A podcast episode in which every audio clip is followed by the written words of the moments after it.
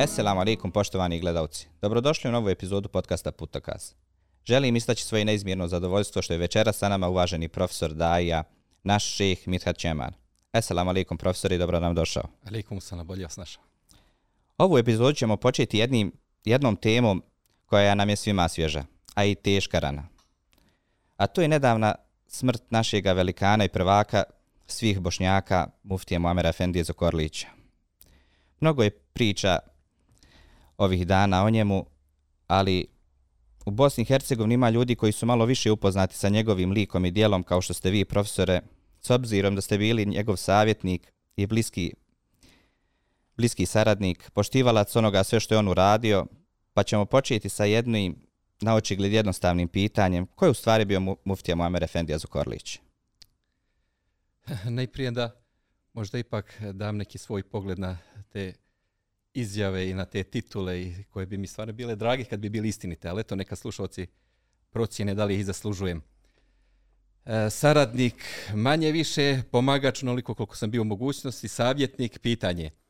E, mi smo imali jedne prilike tamo negdje 2012. godine, e, muftija Muamer Efendija Zukorlić imao jedan e, iskaz, jednu izjavu, po pitanju e, studenta koji su se vratili iz arapskog svijeta i neku svoju ocjenu, opasku i jednu kritiku sa kojom se mi nismo složili, pa iz želje da akumuliram te neke emocije koje su bile prisutne kod svoj, e, mojih kolega svršenika iz e, arapskog svijeta, pogotovo iz Kraljevine Saudijske Arabije, napisao sam jedan svoj odgovor na tu njegovu kritiku, na tu njegovu klasifikaciju, na tu njegovu ocjenu kako se ljudi snalaze po povratku.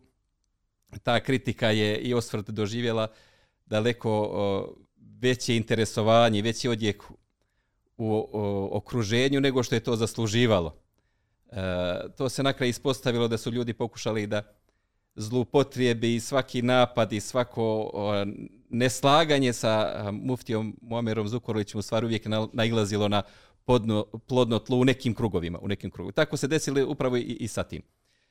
E, na taj način došlo je do tog nekog privlačanja pažnje i na mene, na mene sameg. Znači, to je bilo 2012. godine. 2013. godine već će biti osnovan Svjetski bošnjački kongres. E, kada je osnovan Svjetski bošnjački kongres, e, muftija Muamer Zukorlić osnovao jednu komisiju za praćenje stanje nacije. Komisija za praćenje stanja nacije, tako je i i prozvao. U toj komisiji je bilo petorica ili šestorica članova, ne sjećam se sada tačno, to su sada univerzitetski profesori, to su među njima ima historičara, među njima ima sociologa, između ostalog e, dao je da i ja budem dio te komisije, možda zbog tog nekog teološkog pogleda. I gledajte sada, to je u stvari, sa tim i počinjem i ovim želim u stvari da naglasim njegovu ličnost, jer vama je želja da se pojasni taj njegova ličnost, ali ovo je iz mog ugla kako sam ja doživio. Gledajte, 2012. godinu dana prije toga mi imamo jednu nesuglasicu. Ja imam uh, medijski istup kojim napadam njegove određene stavove i njegovu, djelimično njegovu, njegovu ličnost. To njemu ne smeta da sljedeće godine uključi imenu u, jednu, u rad jedne, jedne komisije koja u osnovi jeste imala ulogu savjetodavno. E sad, da li je ja kao član te komisije mogu uh, sebi priuštiti naziv savjetnika Muamera Zukulića, to bi bilo fenomenalno. Ja bih volio, ja bih volio, međutim mislim da to da je to ipak malo krupna krupna izjava, krupna izjava. Mi smo kroz tu komisiju u toj godini imali par izvještaja koje su bili u stvari njegov E, taj upit e, šta se na terenu konkretno dešava po pitanju jedne tačke, druge tačke, treće tačke. Mi bi svaku tu tačku ispitali sa, sa terena, došli do e, relevantnije, adekvatnije zvaničnih e, podataka i onda pokušali te neke zaključke njemu da prezentiramo. E, te zaključke on koristio kasnije u svojim odlukama, te zaključke on kasnije koristio naravno i, svojim, i u svojim izjavama. Tako da je to ovaj dio koji se tiče e, koji se tiče mog savjetovanja Muamera Zukolića. Ono je počelo prvo javnim nekim prozivkama, onda se ipak na kraj završilo onim jednim dijelom ko, sa kojim sam daleko zadovoljniji i koji bi i volio da, da ostane, ostane između mene, mene i njega. Što se tiče njegove ličnosti koje, koje je bio, nama više nije dovoljno da nam se neko predstavi titulom, jer su titule degradirane. Titule više ne znače puno. E, naići ćete na čovjeka koji ima e, titulu doktora, ali to tebi ne znači njegovu intelektualnu pozadinu. E, naići ćete na titulu, nažalost i vjersku titulu, kao što je šejeh ili daje ili efendija, ali to ne podrazumijeva da on iza sebe ima moralnu pozadinu. Znači nama više titule e, nisu bitne, ne predstavljaju nam, ne opisuju nam čovjeka. Ako bi se vratili na osnovno značenje, na šerijetsko značenje, na ono što je suštinsko značenje izraza muftije, e to je bio Muamer Zukorlić. Tu titulu koju je najduže nosio kroz svoj život, titulu sa kojim se stvarno najviše i ponosio.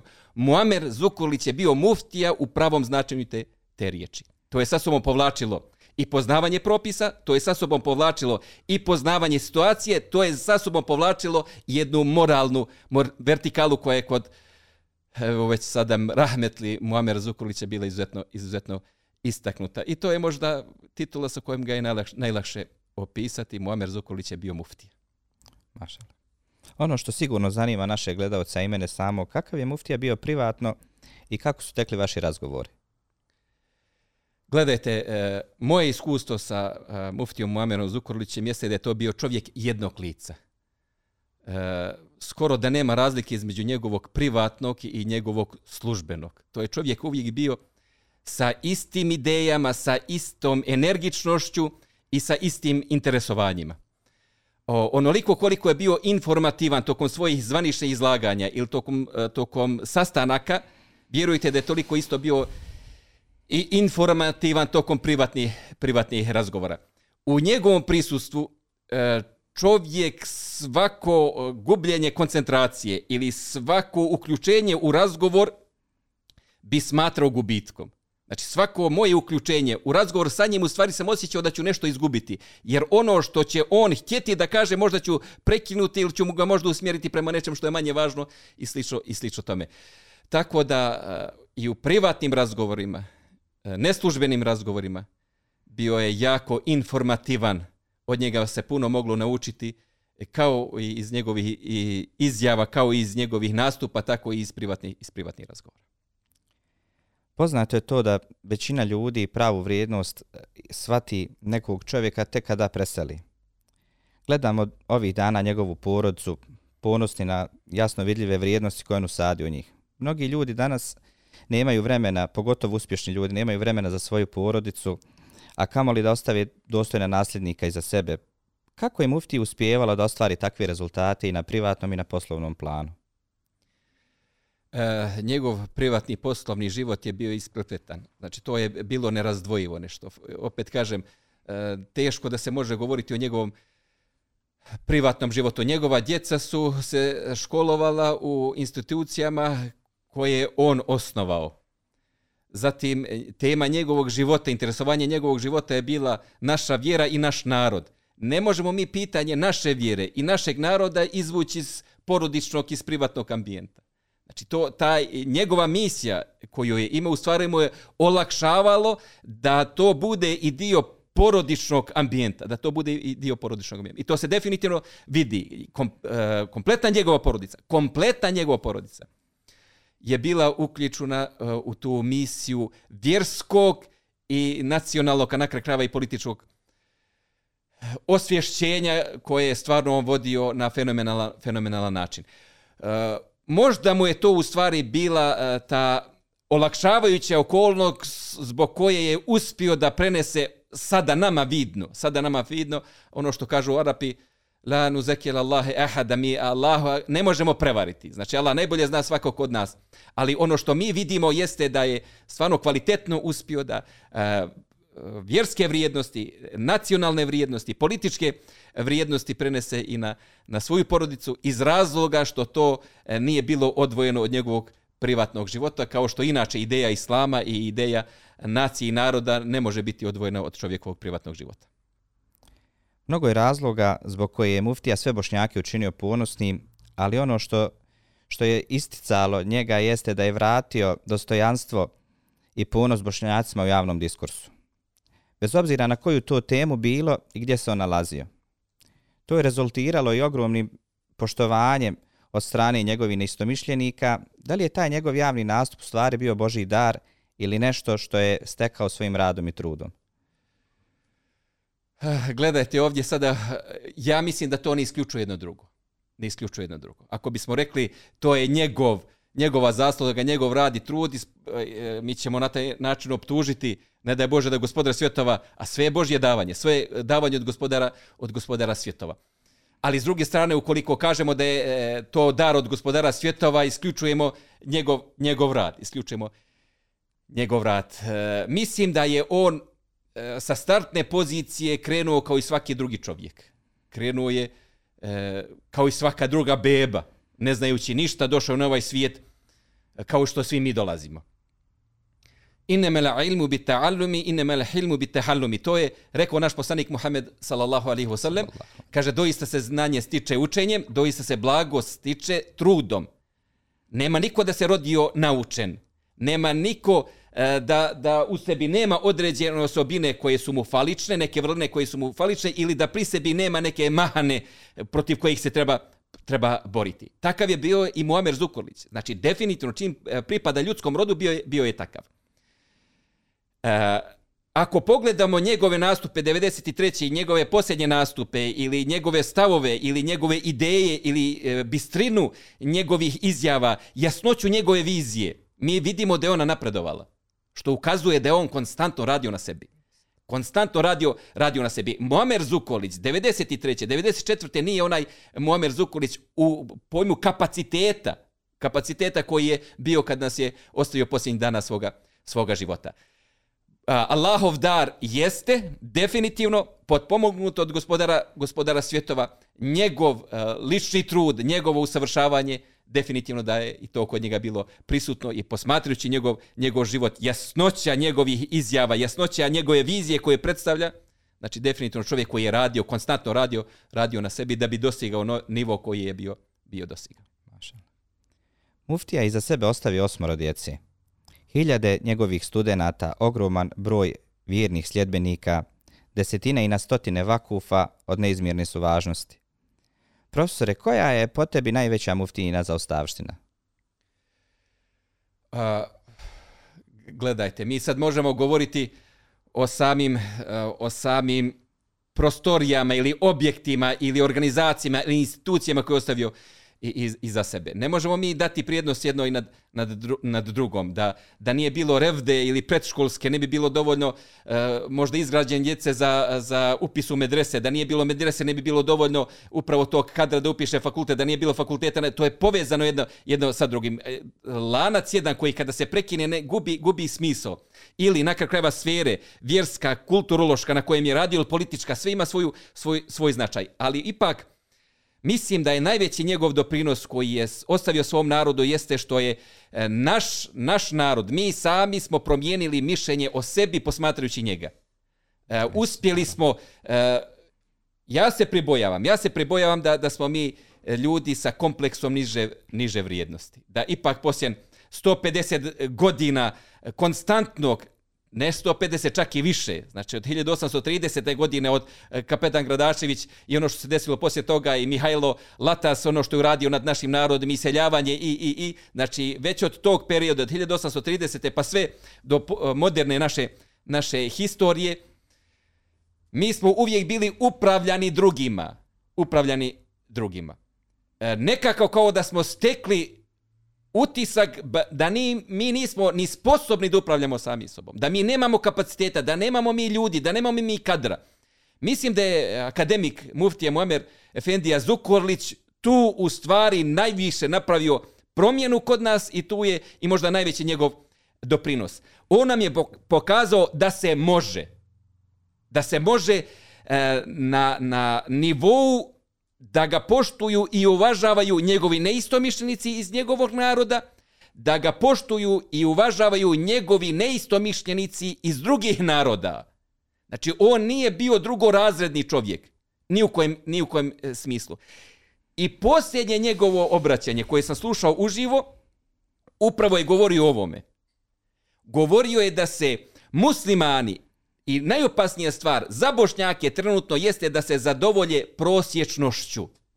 Da se mi zadovoljimo time da budemo prosječni. I mislim da je bio u pravu. i mislim da je svojim životom to pokazao. Mi, ukoliko želimo da napravimo neki iskorak po pitanju ambijenta vjerskog, nacionalnog, državnog na našem, na našem prostoru, moramo biti nadprosječni. Moramo raditi daleko više nego što se to od nas, od nas traži. Znači, definitivno, Muamer Zukolić je to pokazao svojim životom i mislim da je na taj način i najveći doprinos koji je, koji je ostavio nama, jer nam je pokazao da možemo i da moramo biti daleko bolji nego što to drugi od nas očekuju. Koliko je u stvari bilo teško djelovati u okolnostima u kojima je on djelovao dolaskom na poziciju muftije 93. godine sa 23 godine svoga života? U po najtežem vremenu za bošnjake. Mnoštvo je problema naišao, a za manje od 30 godina ostvario je nevjerovatne rezultate. Kako bi vi opisali Sanđak prije muftije i sada u momentu njegovog odlaska sa ovoga svijeta? Eh, Sanđak prije muftije bio osuđen na, na propast po pitanju prisustva muslimanskog, bošnjačkog življa na tim, na tim terenima. E, to je bila jedna ideja koja se čak bila e, uvukla i među našim bošnjačkim muslimanskim intelektualcima.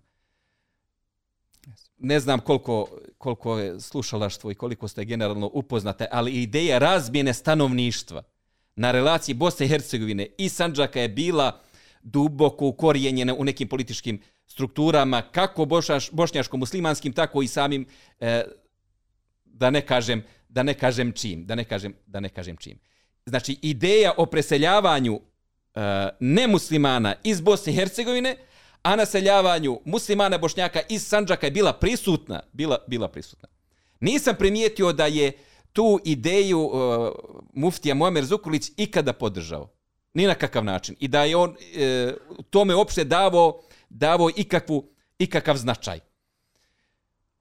Ostao je da živi na tim terenima, i ostao je da se bori za te terene, odnosno da se bori da domicionalno muslimansko, bošnjaško stanovništvo napravi sebi e, takav položaj nastavka života i nastavka funkcionalnosti u tom, u tom okruženju. E, kaže se 93. mada ne znam je li istinita ovaj, ovaj podatak, treba ga provjeriti. Kaže se da je 93. u Novom pazaru postala samo jedna džamija u kojoj se klanjalo bešvakad namaza. E, I pogledajte vi sada. A sada, odgovorno tvrdim, a može se nekada, nekada se može uraditi neka anketa, da u, od bošnjačkih čaršija svih koji, gdje su bošnjaci većina, najviše gdje se klanja postotkom stanovništva, to je Novi Pazar.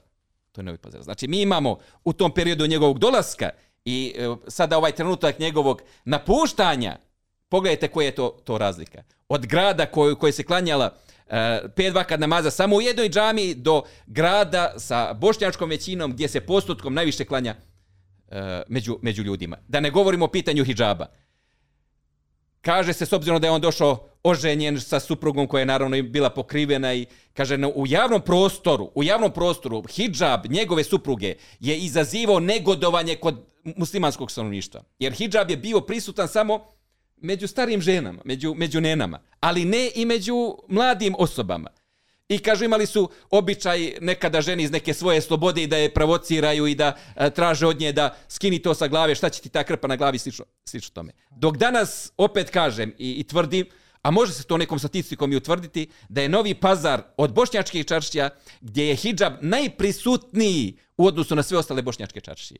Znači, kad pogledate postotkom u, u, uvijek u trenutku, ljudi koji vas okružuju, najviše ćeš naći u Novom pazaru pokrivenih žena u tom trenutku odnosno na bilo koju drugu čašu. Nije to ni Sarajevo, nije to ni Tuzla, nije to ni, ni, ni, ni Zenica. U velikoj mjeri, u velikoj mjeri, zasluge te promjene pripadaju a, mufti Muamer Zukuliću. Znači, sigurno, sigurno. Naravno, zbog, e, zbog njegovih e, pomagača, zbog ljudi koji su učestvovali u kompletnom tom, tom procesu. Ali definitivno, ako pojedinačno podijelimo te zasluge, ta zasluga najviše pripada, pripada njemu. 93. njegovim dolaskom u Novom pazaru je bila jedna zgrada koja se zvala Vakufi. To je zgrada današnje medrese. U toj zgradi ona je koristila samo kako bi ljudi došli da uplate hatme, jasine ili da uplate u kopninu za svoju mrle. Znači, to je bila kancelarija koja je samo služila da bi se muslimani tog grada ukopavali. A vjerski život živi, to nije bila uopšte zadatak te. Od takvog stanja, od takve institucije, od takve kancelarije, on je napravio ono što je, što je napravio. Paralele su uh, kratak je vremenski period. To je sve ono što se desilo tokom našeg, našeg života, tako da smo mogli pratiti. Toliki skok, toliki napredak, vidi napredak, da je to nešto nevjerovatno. I s druge strane, nije abstraktno, nije nešto što mi moramo da nagađemo. Konkretno, opipljivo, izgrađeno, osnovano, znači sve može da se popiše i sve može da se vrijedno zna kako i, i sama materijalna dunjalučka, a svakako i vrijednost intelektualna ili, ili akademska. E, ono što je, što je uradio Mešihat islamske zajednice u Srbiji na čelu sa muftijom Omerom Zukorlićem je nešto stvarno ogromno, nešto stvarno ogromno jedan skok koji je toliko vidan da ni najveći neprijatelji ne mogu to zanegirati. Ono što je preseda na ovim prostorima jeste da je muftija Rahmetullah Alehi u jedan saf uveo sve muslimane bez obzira na različita svatanja o pojedinim islamskim pitanjima, bez obzira na to sa kog univerziteta dolazili i bez obzira na njihovu dužinu brada. Kako mu je to uspjevalo? Uh, eh, muftija Muamer Zukulić, kažem, opet bio je čovjek jednog lica. Uh, ono što je razgovarao u tom otvornom razgovoru, mislim da je to smatrao, da je to ono što je bilo njegovo ubjeđenje, tako da se sa njim uvijek moglo eh, razgovarati otvoreno. Često kroz te razgovore čovjek je mogao čuti nešto s čim se, što mu se ne bi svidjelo ili s čim se ne bi složio. Ali bi sa njim bio načisto. U razgovoru sa njim, posle razgovora sa njim bio bi načisto na čemu si na čemu si. Mislim da u velikoj, to je doprinilo, znači to je prva stvar koja je doprinijela, jasnoća, uh, otvornost u njegovom razgovorima sa, sa ljudima koji su ga okruživali ili koji su od njega nešto, nešto tražili. Drugo, uh, ipak je on završio usul, usul fik. Uh, eh, dalo je to jedno njemu E, notu posebnog razmišljenja, posebnog mentalnog sklopa. Kad pogledamo kompletan životni put, e, džaba, sve se to pripremalo da on dođe na ovo što, što je došao, da zauzme položaj koji je, koji je zauzeo. Kao čovjek koji je bio o, stručnjak u usulu, razumijevo je da se u tim nekim pojedinačnim pitanjima da su razilaženja neminovna. Da su razilaženja neminovna. Ali je bitno usul. Ako imamo iste temelje, ako imamo iste izvore, ako imamo iste prioritete, Lako ćemo se mi poslije to dogovoriti. Na krajeva ne moramo se ni dogovoriti. Ti radi kako smatraš da je ispravno u tim sporednim pitanjima ja ću raditi kako smatram da je ispravno. Samo je bitno da da su nam temelji, izvori su nam isti i temelji su nam temelji su nam isti. To je s jedne strane. S druge strane, opet kao čovjek koji iz usula, e, mislim da je bio dobro svjestan da treba maksimalno izbjegavati pitanja koje izazivaju ono što se u arapskom žargonu kažu belbela da, koja izazivaju društvene turbulencije, koje izazivaju podjele, koje izazivaju rasprave. I, i mislim da je u toj tvoj, svojoj otvornosti od uh, svojih eh, up, uposlanika, od ljudi koji je uzimao kroz svoje pomagače, od ljudi koji je angažirao kroz institucije koje, koje je vodio, mislim da je to bilo jasno da se ne smiju tretirati pitanja koja izazivaju turbulencije koje će izazivati društvena neslaganja, društvene podjele i slično, slično tome. Kod e, uposlenika Mešihata islamske zajednice u Sanđaku je ovo i kako prisutno. Znaju da izaberu teme e, koje nas ujedinjavaju i znaju da izbjegnu teme koje bi mogle da izazovu, izazovu turbulencije, jer nama na kraj krajeva sada te teme nisu ni bitne. Sve teme koje izazivaju turbulenciju među, među muslimanima, one, vjerujte, u konačnici nisu toliko bitne da bismo mi sebi to, to dozvolili. Znači, mi imamo u stvari to ovdje njegovu, njegovu otvorenost, znao si tačno e, e na šta si kada razgovaraš, razgovaraš sa njim, imamo tu taj njegov princip koji je potekao iz usula, E, e, koje, koje je studirao, da se mi moramo o, o, na krajeva ujediniti po pitanju naših izvora i po pitanju temeljnih stvari, i, i na kraju krajeva da moramo maksimalno izbjegavati sva ona pitanja koje mogu izaziva, izazivati turbulencije. E, to je u svom okruženju gajio, e, takav je ambijent u svom okruženju e, napravio i to je na kraju krajeva i dalo da se ljudi ti različitih nekih pogleda u sporednim stvarima ipak okupe oko zajedničkog, zajedničkog rada. Činjenica da je muftija kupljao ljude oko sebe i izgradio povjerenje kod ljudi Sanđaka Bosne i dijaspore. Da je imao kapacitet da ujedini bošnjake te profesore, da li imamo mi bošnjaka koji bi mogao da zamijeni muftiju i da nastavi njegova put? Eh, eh, mi moramo da razmislimo generalno eh, muslimani ovih krajeva bošnjaci moraju da razmisle o konceptu da li ćemo mi praviti sistem kojim ćemo se vladati ili ćemo ipak odabrati sebi jednu ličnost za kojom ćemo hodati, koji će biti u stvari centralna ličnost i glavna ličnost u našem, u našem društvu. U slučaju Muamera Zukulića mi smo imali izgrađenu ličnost koja je mogla da nas vodi. Ali vidite, ista ta ličnost je uporno gradila sistem, uporno je gradila institucije. E, ako i nestane e, takve karizme među nama, ukoliko nestane ličnosti oko koje bi se mi svi složno okupili, zadivljeni njegovim kapacitetom, intelektualnim ili tim nekim moralnim, opet ostaje institucija preko koje ćemo se vladati, određeni pravilnik koji, koji podrazumijeva i na kraju ćemo mi i dalje uspješno, uspješno funkcionisati. Tako da, e, mislim da nije a priori, da nije uopšte e, toliko važno da li ćemo mi imati jednu ličnost, jednu ličnost koja bi mogla da zauzme e, njegov mjesto. Dru, s druge strane, mislim da smo mi nekada suviše kritični prema članovima naše zajednice. Prema i intelektualnoj i političkoj, a na kraju krajeva i, i vjerskoj, vjerskoj našim, našoj zajednici, odnosno vjerskim predstavnicima u tim, u tim sferama. Mislim da ima ljudi koji zaslužuju naš respekt. Mislim da ima ljudi koji zaslužuju da budu poštovani, da budu uh, poslušani, da budu poslušani. Uh, kako na vjerskom, tako i na političkom, tako i na, na kulturnom planu. Uh, da li ćemo svi moći da se ujedinimo i da se složimo koja je to ličnost, to je stvar oko koje možemo, možemo razgovarati. Ali generalno ostalo, ostalo je ličnosti, ako Bog da koje, koje će zauzeti njegovo, njegovo mjesto u određenoj mjeri, u određenoj mjeri koji će voditi određenu stvar u, u, tom, u tom smjeru. On jeste objedinio u svojoj ličnosti sve ove sfere, sfere društva. Mi ćemo možda sad tražiti parcijalno. Jedan dio tog će pokriti jedna osoba, druga dio će pokriti druga osoba, treći dio treća osoba, ali u svakom slučaju sa koordinacijom među, među njima mislim da ako Bog da nismo obezglavljeni. E, na kraj krajeva Eh, koliko smo mi slušali izjave Muamera Zukulića i koliko smo razumijeli izjave Muamera Zukulića, u stvari ćemo sad pokazati. Ovog trenutka kad njega više nema. Kad njega više nema. Eh, koliko ćemo se mi uspjeti eh, pridržavati onoga što nas je savjetovao i ono na čem je, na čem je davao akcenat, u stvari pokazatelje naše, naše spremnosti, naše intelektualnog nivoa i uglavnom nadam se ako Bog da, da nismo obezglavljeni, da nismo obezglavljeni. Mnoštvo je mudrosti i pouka, kao i života muftije, tako i iz njegovih izjava i pisanih dijela. Koja od njih su ostavile na tebe najveći utjecaj? E, gledajte, e, akademik e, muftije Muamer Efendija Zukorlić imao je to umjeće bejana, imao je to umjeće da, da ima jasan, jasnu misao i da je izrazi na jasan način. Tako da često, često bi čovjek bio zapanjen kad čuje njegov određen izjavu, koliko je on uspio jednostavno da opiše ono što je čovjek nosio u sebi.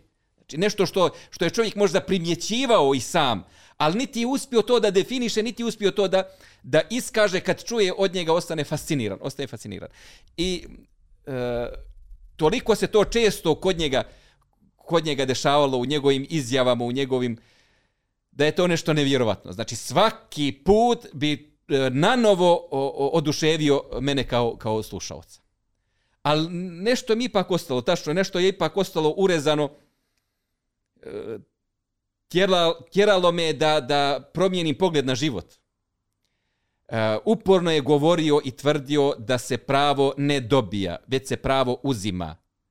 U smislu, ukoliko na nešto polažeš pravo, niko neće doći da ti to servira i da ti kaže, izvinite, ovo je vaše pravo, uzmite ga. Nego ti sam moraš da odeš i da uzmeš svoje pravo. I da uzmeš svoje pravo. U okolnostima koji mi danas živimo, kada se uporno naša prava osporavaju, ne samo na nivou e, kompletne Bosne i Hercegovine ili šireg regiona gdje je životni prostor Bošnjaka, nego je to tendencija e, komplete Evrope prema prisustvu Islama. Imaju li muslimani pravo na evropsko tlo? Znači, to je kom, kompletno ono što se dešavalo od 1300. kada se u, u, desilo prvi genocid nad muslimanima na teritoriji Evrope, pa sve do dana današnjeg, od 1699. u, u Srijemskim Karlovicama, kada je došlo do i tada prvim genocidom koji se desio nad Bošnjacima u Evropi, znači jedan za drugim kako se, kako se e, redao, u stvari pokazuje da se nama osporava naše pravo. I gledajte, mi smo sada žrtva. Bošnjaci, muslimani Bosne su dokazana žrtva. Mi smo to dokazali e, kroz e, sudove, mi smo to dokazali kroz evropske deklaracije, e, deklaracije evropskih parlamenta i slično, slično tome. Dokazano je da smo žrtva. Ali je problem što mi gajimo mentalitet žrtve. Dobro, mi smo žrtva, sad bi neko trebao da dođe da ispravi tu nepravdu. Ljudi, to neće doći. Do toga neće doći. Do toga neće doći. Naše je sad, na nama je da ustanemo i da uzmemo svoje pravo. Da se upoznamo koja mi prava polažemo i da sami ustanemo i da ih uzmemo. Nikom da ne kažemo hvala. Nikom da se ne moramo zahvaljivati ili da se zato, zato moramo moliti.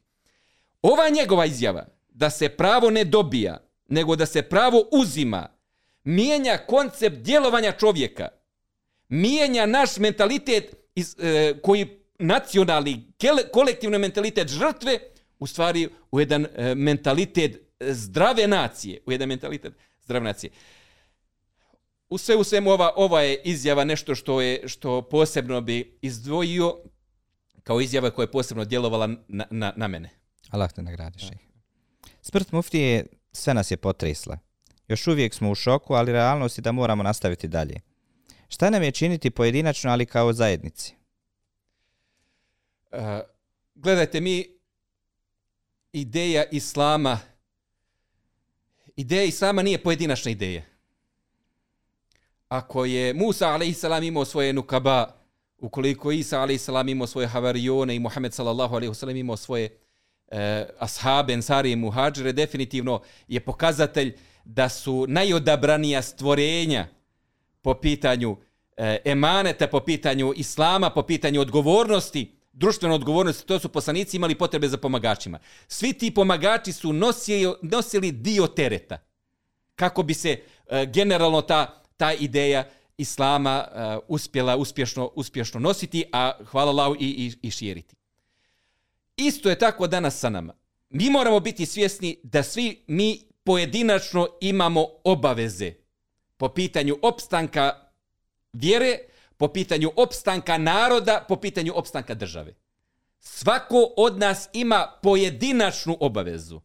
Mi moramo dobro da znamo granice svojih mogućnosti i granice svojih, svojih obaveza. Koje su to stvari koje nas, koje nas obavezuju? I moramo preuzeti, svi pojedinačno moramo preuzeti dio dio emaneta. E, ne smijemo dozvoliti da budemo posmatrači društveni događaja. Ne smijemo dozvoliti da budemo objekti društveni, društveni događaja. Da se nad nama samo vrši radnja. Mi moramo postati vršioci radnje. Vršioci radnje. Naša pojedinačna obaveza jeste da posmatramo šta se dešava u našem regionu. I svaku, ali bukvalno svaku pozitivnu stvar koju vidimo u našem okruženju, koja ide u prilog našoj vjeri, našem narodu ili našoj državi da je pomognemo. Makar lajkom na Facebooku. Znači da se ništa ne bojte za džehenemske vatre, makar sa pola hurme. Da se e, damo svoj doprinos u, u opstanak, u opstanak e, hajra koji u našem okruženju, makar sa jednostavno e, rečenicom, makar sa podrškom. Ljudi, Allah da vas nagradi, E, stojim iza vas, odnosno oduševljava me vaš napor, e, smatram da sam na dobrom putu i slično tome, mislim da bi i to bila vrsta, vrsta pomoći. Da uputimo riječi ohrabrenja ljudi koji su preuzeli. Posmatramo šta se nalazi i pomognemo. Ono što primijetimo da je potrebno, a nije prisutno, da mi iniciramo pokretanje. Kaže, potrebno nam je nešto, nužno nam je potrebno da iniciramo pokretanje. Pogledajte, E, akademik Muftije Muamer Zukurlić nije učestvovao u osnivanju jednog univerziteta u Novom pazaru.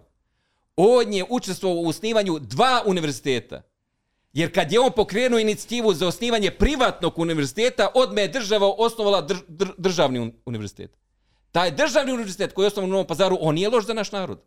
On nije loš za naš, za naš sanđak, niti za naš novi pazar.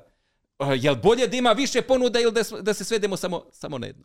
Znači, primijetio šta fali, pokrenuo je inicijativu, to je urodilo da su stvari naprave dva, e, dvije institucije koje su nama jako, jako bile e, bitne, koje su jako bile potrebne i koje će dati svoje plodove i koje će dati svoje plodove. Šta je to, mi moramo analizirati šta je to što fali našem društvu i nekako pokrenuti inicijativu da se to, da se to pokrene, da se to osnuje pasivno posmatranje e, sa strane može biti pogubno, za čovjeka može biti pogubno i za samu, za samu zajednicu. Jedan od mnogobrojnih kvaliteta mufti Rahmetullah Alih jeste i to da je znao prepoznati potencijal i pravi saradnike. Ti su u jednom periodu bio njegov savjetnik. Kako je došlo do toga? Pa eto, ja sam to manje više objasnio kroz prvo pitanje kada sam pokušao malo da e, da se ne operem od te titule, ali s druge strane da je stavim na njeno pravo, pravo mjesto. Kažem, to je bilo u, u periodu kada je osnovan Svjetski bošnjački kongres i kada je osnovana prvi moji savjeti su u stvari bili javna kritika. To je bilo prvi način savjetovanja, u tome je Bošnjak izgleda jako ima velike afinitete.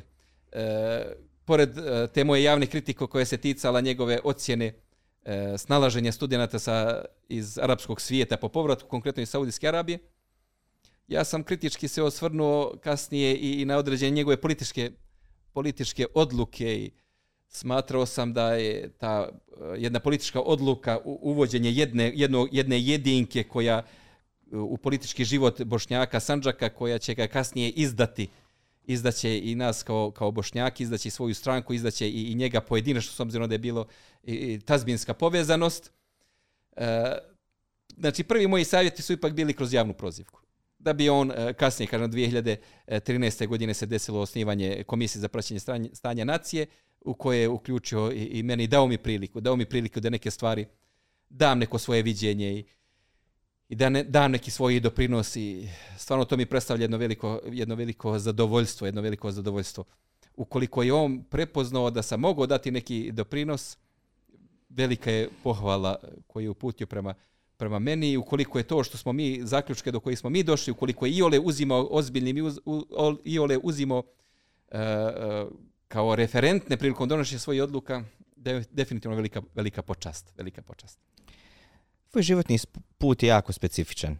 Rođen si na Kosovu porodicu koja je generacijama unazad e, bila poznata po tome da su mnogobrojni muški članovi bili ugledni mami.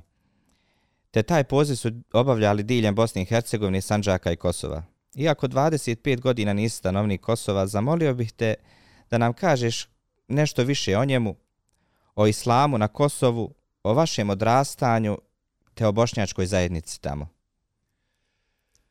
E, Kosovo je jedan e, prelip region, jedna ogromna ravnica e, koja je e, u tom dijelu gdje sam ja rastao u stvari u podnjužju e, jednog planinskog vijenca e, gdje može, e, može da uspjeva skoro, skoro sve što se zasadi. E, E, to je u stvari pokrenulo e, moje pretke da napuste Sanđak i da dosele Kosovo. Oni su u stvari e, došli s jedne strane e, brda, drugi, drugu, stranu, drugu stranu brda e, prešli i postali smo stanovnici Kosova. To je uradio još moj rahmetli pradjed e, Mula Hajrula Ćeman. E, ocelio je sa svojom, sa svojom porodicom već u poznim godinama svoga, svoga života, leto Allah će ga poživjeti da će doživjeti 106. godinu svoga, svoga života.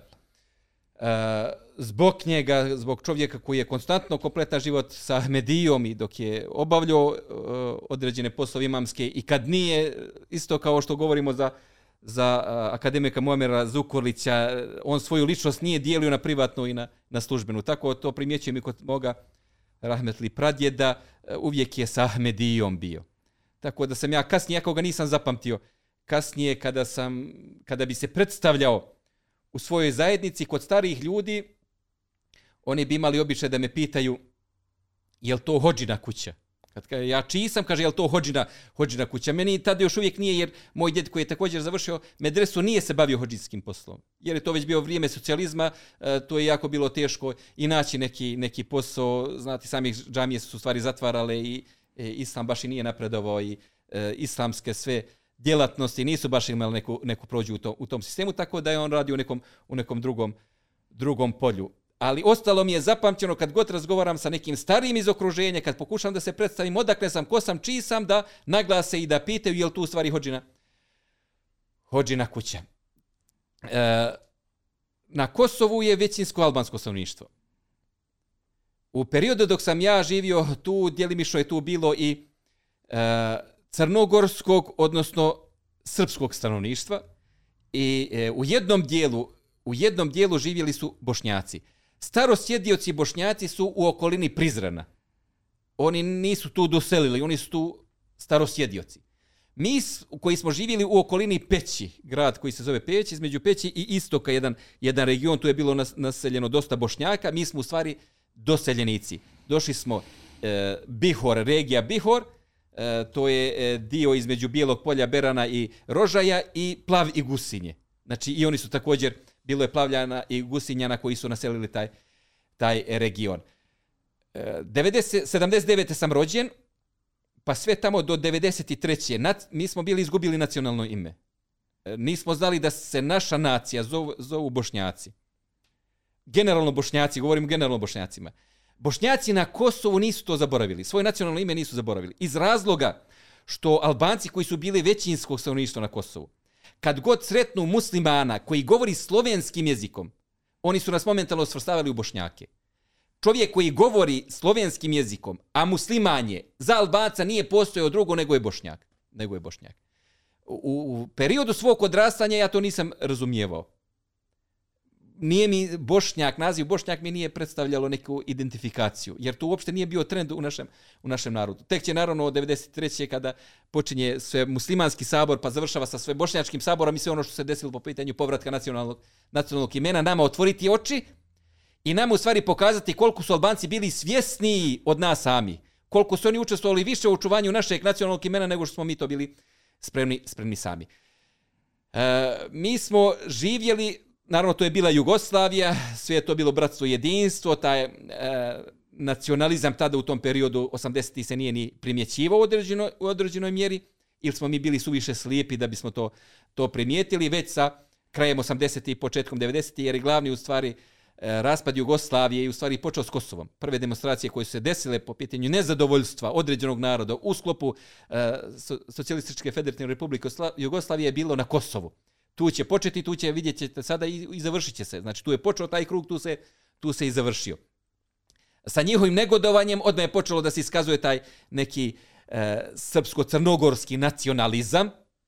Odmah se počelo tu da se primjećuje i to četništvo, onda je odmah počelo da se primjećuje i ta neka e, klasifikacija društva na one koji su pogodni, na one koji to nisu i kasnije će početi naravno i rat u, u, u Hrvatskoj i to će se poslije e, prenijeti na Bosnu i Hercegovinu i E, sve dotad, do kraja 80. godina, e, Kosovo je bilo jako mirno mjesto e, za življenje, jako prijatno mjesto za življenje, koje je davalo neki svoj dunjalučki komoditet života. Međutim, kasnije sa ovim problemima nacionalizma i sa ovim problemima ideje nekih velikih država gdje se negiralo postojanje drugih naroda, izazvaće velike probleme i za, i za stanovništvo, ne srpsko stanovništvo na, na Kosovu, ne srpsko stanovništvo na Kosovu. Naravno, ti postupci će najviše koštati Srbe, jer će to doći, vidite sami, došlo je do čega je, do čega je došlo, da se oni sad bore za e, određena svoja, tu sad poluge, postojanje poluge vlasti na teritoriji, na teritoriji Kosova. Da su radili drugačije, mislim da se to moglo skroz nešto drugačije, drugačije i završiti. Drugačije i završiti. Jedna prijatna sredina, jedna mirna sredina e, sa e, aspekta E, E, priroda, stvarno prelijepo, prelijepi krajevi sa aspekta izazova koji su živjeli moji roditelji kako bi nas odgojili da imamo svoj identitet vjerski, nacionalni, ali u, u sredini gdje to baš i nije e, poželjno, mislim da je to bio veliki izazov, veliki izazov. E, sada kada razmišljam kao otac svoje djece, kada razmišljam u svemu tome, sve se više i više divim svojim roditeljima. Znači, trebalo je ubrizgati u, u, u nama, eh, da imamo vjerska osjećanja, da imamo eh, nacionalni identitet, ali da to ne ugrozi one koje bi mogo, mogli da ugroze poslije toga, poslije toga nas. Bilo je jako veliki izazov sa kojim mislim da su se moji roditelji dobro, dobro iznijeli. Eh, e, 98. odnosno 99. moji roditelji će napustiti Kosovo, celiti prema Luksemburgu, tako da u svojoj porodici vidim kompletan, kompletan bošnjački narod. E, gledajte, porijeklom iz Sanđaka, rođen na Kosovu, moji roditelji e, e, u dijaspori, e, oženjeni iz Bosne i Hercegovine, znači obuhvatio sam kompletan životni prostor koji koji bošnjaci sada, sada žive, tako da u svojoj porodici vidim kompletan, kompletan bošnjački narod. U Bosnu i Hercegovini dolaziš 98. godine kao 19-godišnji mladić. Period postratnih dešavanja. Kako je tamo, e, kako je u Bosni i Hercegovini tad bilo stanovništvo i koliko su oni bili privrženi islamu? I da li su to tvoji prvi početci u davi? E, moj dolazak u Bosnu je i bio e, u najvećoj mjeri vjerski, vjerski razlozi, vjerski porivi. U sebe sam uvijek, uvijek vidio da bi upravo na tom nekom bosanskom tlu mogao da budem slobodan i posvećen musliman. Još od djetinjstva tako sam, tako sam doživljavao, tako sam doživljavao Bosnu i Hercegovinu, kao svoju matičnu državu. Kao svoju matičnu državu. Dolaskom u Bosnu, e, Bosna je tada bila podijeljenija. 98. Bosna i Hercegovina je bila podijeljenija. Među čestim savjetima koje sam tada čuo od ljudi, kada bi primijetili da nisam e, iz Sarajeva, da ne sam iz Bosnu, upozoravali bi me da obratim pažnju kako ne bi prešao u njihov dio teritorije, kako sebi ne bi napravio neprijatnosti, ugrozio svoj život. I, znači, Sarajevo je tačno bilo podijeljeno između onog što se zvalo Srpsko Sarajevo i ovamo dio Sarajeva koji je pripadao, pripadao federaciji. Ljudi su upozoravali da obratim pažnju kako ne bi zalutao prema, prema Srpskom, Srpskom Sarajevu. Toliko je bilo podijeljeno. Kada sam došao uh, autobus koji nas je dovezao. Dovezao nas je do malo prijen babinog zuba na ulazu u Sarajevu, dok je teritorije manjeg BH entiteta. Tu smo prešli iz jednog autobusa u drugi, jer autobus koji nas je dovezao nije mogao ući u Sarajevo sa srbijanskim tablicama. Nisu se osjećali bezbjedno, o, o, očekivali bi najvjerojatnije možda napad stanovništva ili slično. slično. Pogledajte koliko je uh, u osnovi stanovništvo bilo podijeljeno, koliko je stanovništvo bilo podijeljeno ta podijeljenost je sada, hvala Allahu, manja. Ona je jako bitna što je, što je iščezla. I sva, iz godine u godinu teritorije Bosne i Hercegovine je sve cjelovitija. Ja se nadam ako Bog da će u budućnosti ona biti, biti država onako kako funkcioniš i ostale, ostale države. Da će se svaki građanin osjećati slobodno na kompletno njenoj teritoriji. Na kompletno njenoj, njenoj teritoriji. E sada vjerski, mislim da je... E, vjerski identitet tada bio naglašeniji nego što je to sada. Vjerske vrijednosti su bile naglašenije nego što su to sada. Ljudi sa vjerskim obilježjem bili su prepoznati kao branici Bosne i Hercegovine. Ja imam jednu anegdotu iz tramvaja. U gradskom prijevozu jedna žena već u srednjim godinama svoga života neku svoju frustraciju je naglas ispoljavala negudujući zbog nekih uređenja države. Ne sjećam se šta je bio razlog njenog neslaganja, njene frustracije, njenog eh, glasne kritike koju je sama sebi upućivala, onako eh, derući se kroz, kroz tramvaj. I kroz to svoje neslaganje sa ambijentom, sa kvalitetom života i slično tome u našoj državi, eh, primijetile mene. Ja sam tada u tom trenutku već imao bradu i naravno kao obilježi islama, odmah me povezala sa islamom i Uh, I ona zastane u svom govoru i kaže, mladiću, vama svaka čast, vi ste branili Bosnu, ali ovo što se sada desilo, dešava stvarno nema smisla. Znači ona ipak mene želi da, da izuzme iz te kritike. Ali ja nisam branio Bosnu. Ja sam došao tek poslije ratni period. To njoj nije bitno, zato što je u tom trenutku vjerski simbol, islamski simbol na čovjeka, neminovno sa sobom podrazumijevalo njegovu odbranu Bosne i Hercegovine. Znači, to je stvarno jedna krupna, krupna stvar. I to će se uporno dešavati doš, i dešava se, nekak krajeva i, i dešava se. I mislim da je to jako bitno. Jako je bitno kad narod doživljava uh, one koji ozbiljno shvataju islamske propise, oni koji pokušavaju da islam žive u svojim životima, da ih doživljaju patriotima i da ih doživljavaju čuvarima našeg naroda i da ih doživljavaju čuvarima naše, naše države. To je Bosna i Hercegovina po, po, mom, po mom dolasku tek kada sam, kada sam došao. Naravno, ekonomski jako, skromno, znači sjećam se još uvijek e, oštećeni većine zgrada e, u Sarajevu. Sjećam se da je većina prozora u stvari bila sa UNICEF-ovim onim najlonima protkanim žicom. Znači još uvijek to humanitarno bilo na granici kolapsa i tek se grad oporavljao, ali mislim da dinamika oporavka izuzetno bila dobra, izuzetno bila brza i E, finansijski, finansijski život sada, ekonomski strana koja, koja se desila, napredak koji se desio u Bosni i Hercegovini je ogroman, ogroman. Iako, nažalost, čovjek je sklon tome da bude nezadovoljan. nezadovoljan. Ali vjerujte, ima razloge, ekonomski imamo razloge da budemo e, zadovoljni. Politički i nacionalno mislim da smo bili jedinstveni tada. Znači, država je bila podjeljenija, ali e, mi kao bošnjaci smo bili nacionalno jedinstveni i politički smo bili jedinstveni. Mi sada imamo primjer da nam je država, hvala Allahu, cjelovitija, ali da unutar sebe, unutar sebe sad imamo jedan, jedan izazov sa kojim se nadam da ćemo se ako Bog da izboriti. Šala. Naši mlađi gledalci vjerovatno ne, ne znaju i ne sjećaju se organizacije aktivna islamska omladina. Oni starije često se sjeti ovaj, kolika je ta organizacija dala doprinos širenju islama na našim prostorima i da li mi danas možemo učiti eh, od nje po pitanju same organizacije?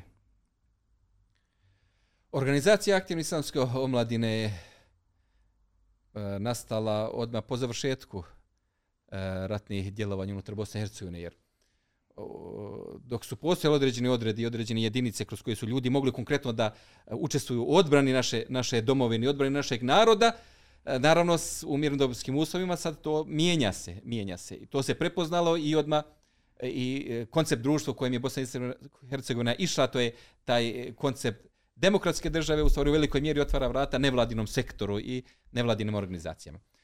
U tom periodu uh, organizacije sa islamskim prefiksom dozvoljeno je bilo da budu prijavljene na nivou države, da budu registrovane kao aktivna islamska omladina.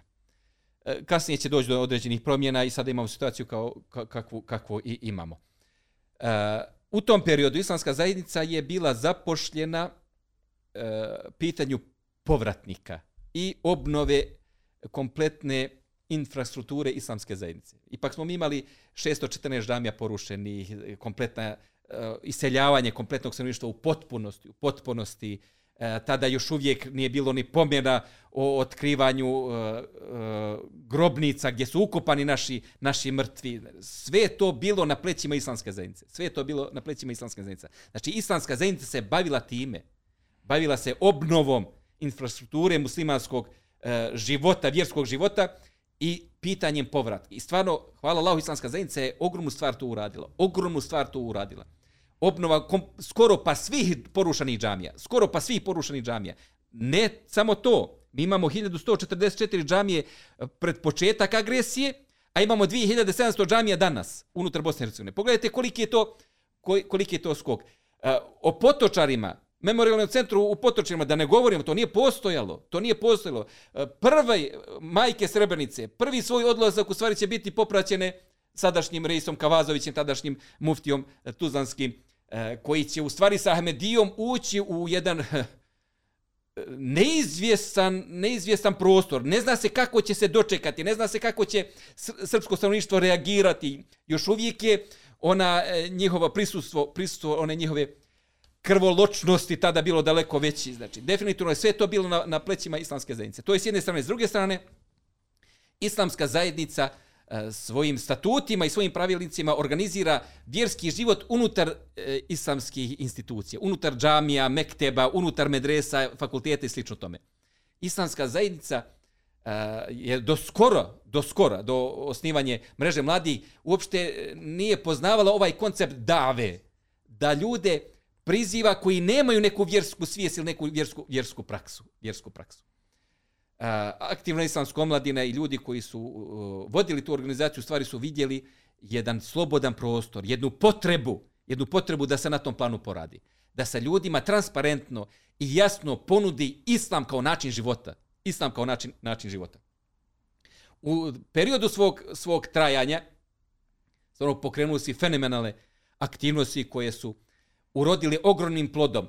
Ne u smislu izgradnje institucija ili ostavljanje iza sebe prostorija, koliko u smislu izgradnje posvećenih muslimana. Posvećenih muslimana. Jer opet, ljudi naših godišta koji se sjećaju tog, tog perioda, skoro da nema osobe koja nije na neki način bila potpomognuta ili u svom vjerskom pogledu definisana od strane aktivnosti aktivni islamske omladine. Tako da aktivni islamske omladine pripada tu velika, velika zasluga, popunila je onaj prostor koji je postojao do trenutka dok je i postojao smislenost postojanja te organizacije. Onog trenutka kada više nije postojala smislenost te organizacije, kad se toj organizaciji počelo, pokušalo pripisati razne ekstremne, e, ekstremni stavovi, čak i ekstremizam kod određenih pojedinaca, da se to pripiše kompletnoj zajednici, slišu tome, jednostavno aktivni islamska omladina uvidjela da je zatvaranje daleko bolje, što se sad sa ove, sa ove udaljenosti, sa, mislim da je to sasvim bilo, bilo ispravno. Dok je bilo potrebe, postojali su, ostavili su konkretan trag onog trenutka kada nije više bilo potrebe, e, zatvorili su se, ali ostali su ljudi da, da obožavaju gospodara svjetova i da ostave hajr koji su ostavili iza sebe. Standarde određenog izdavaštva i ono što je uradila aktivna islamska omladina, izabir naslova i tim nekim redosljedom koji je izdavalo pokazuje da su stvarno bili organizacija koja je znala šta radi, koja radi planski.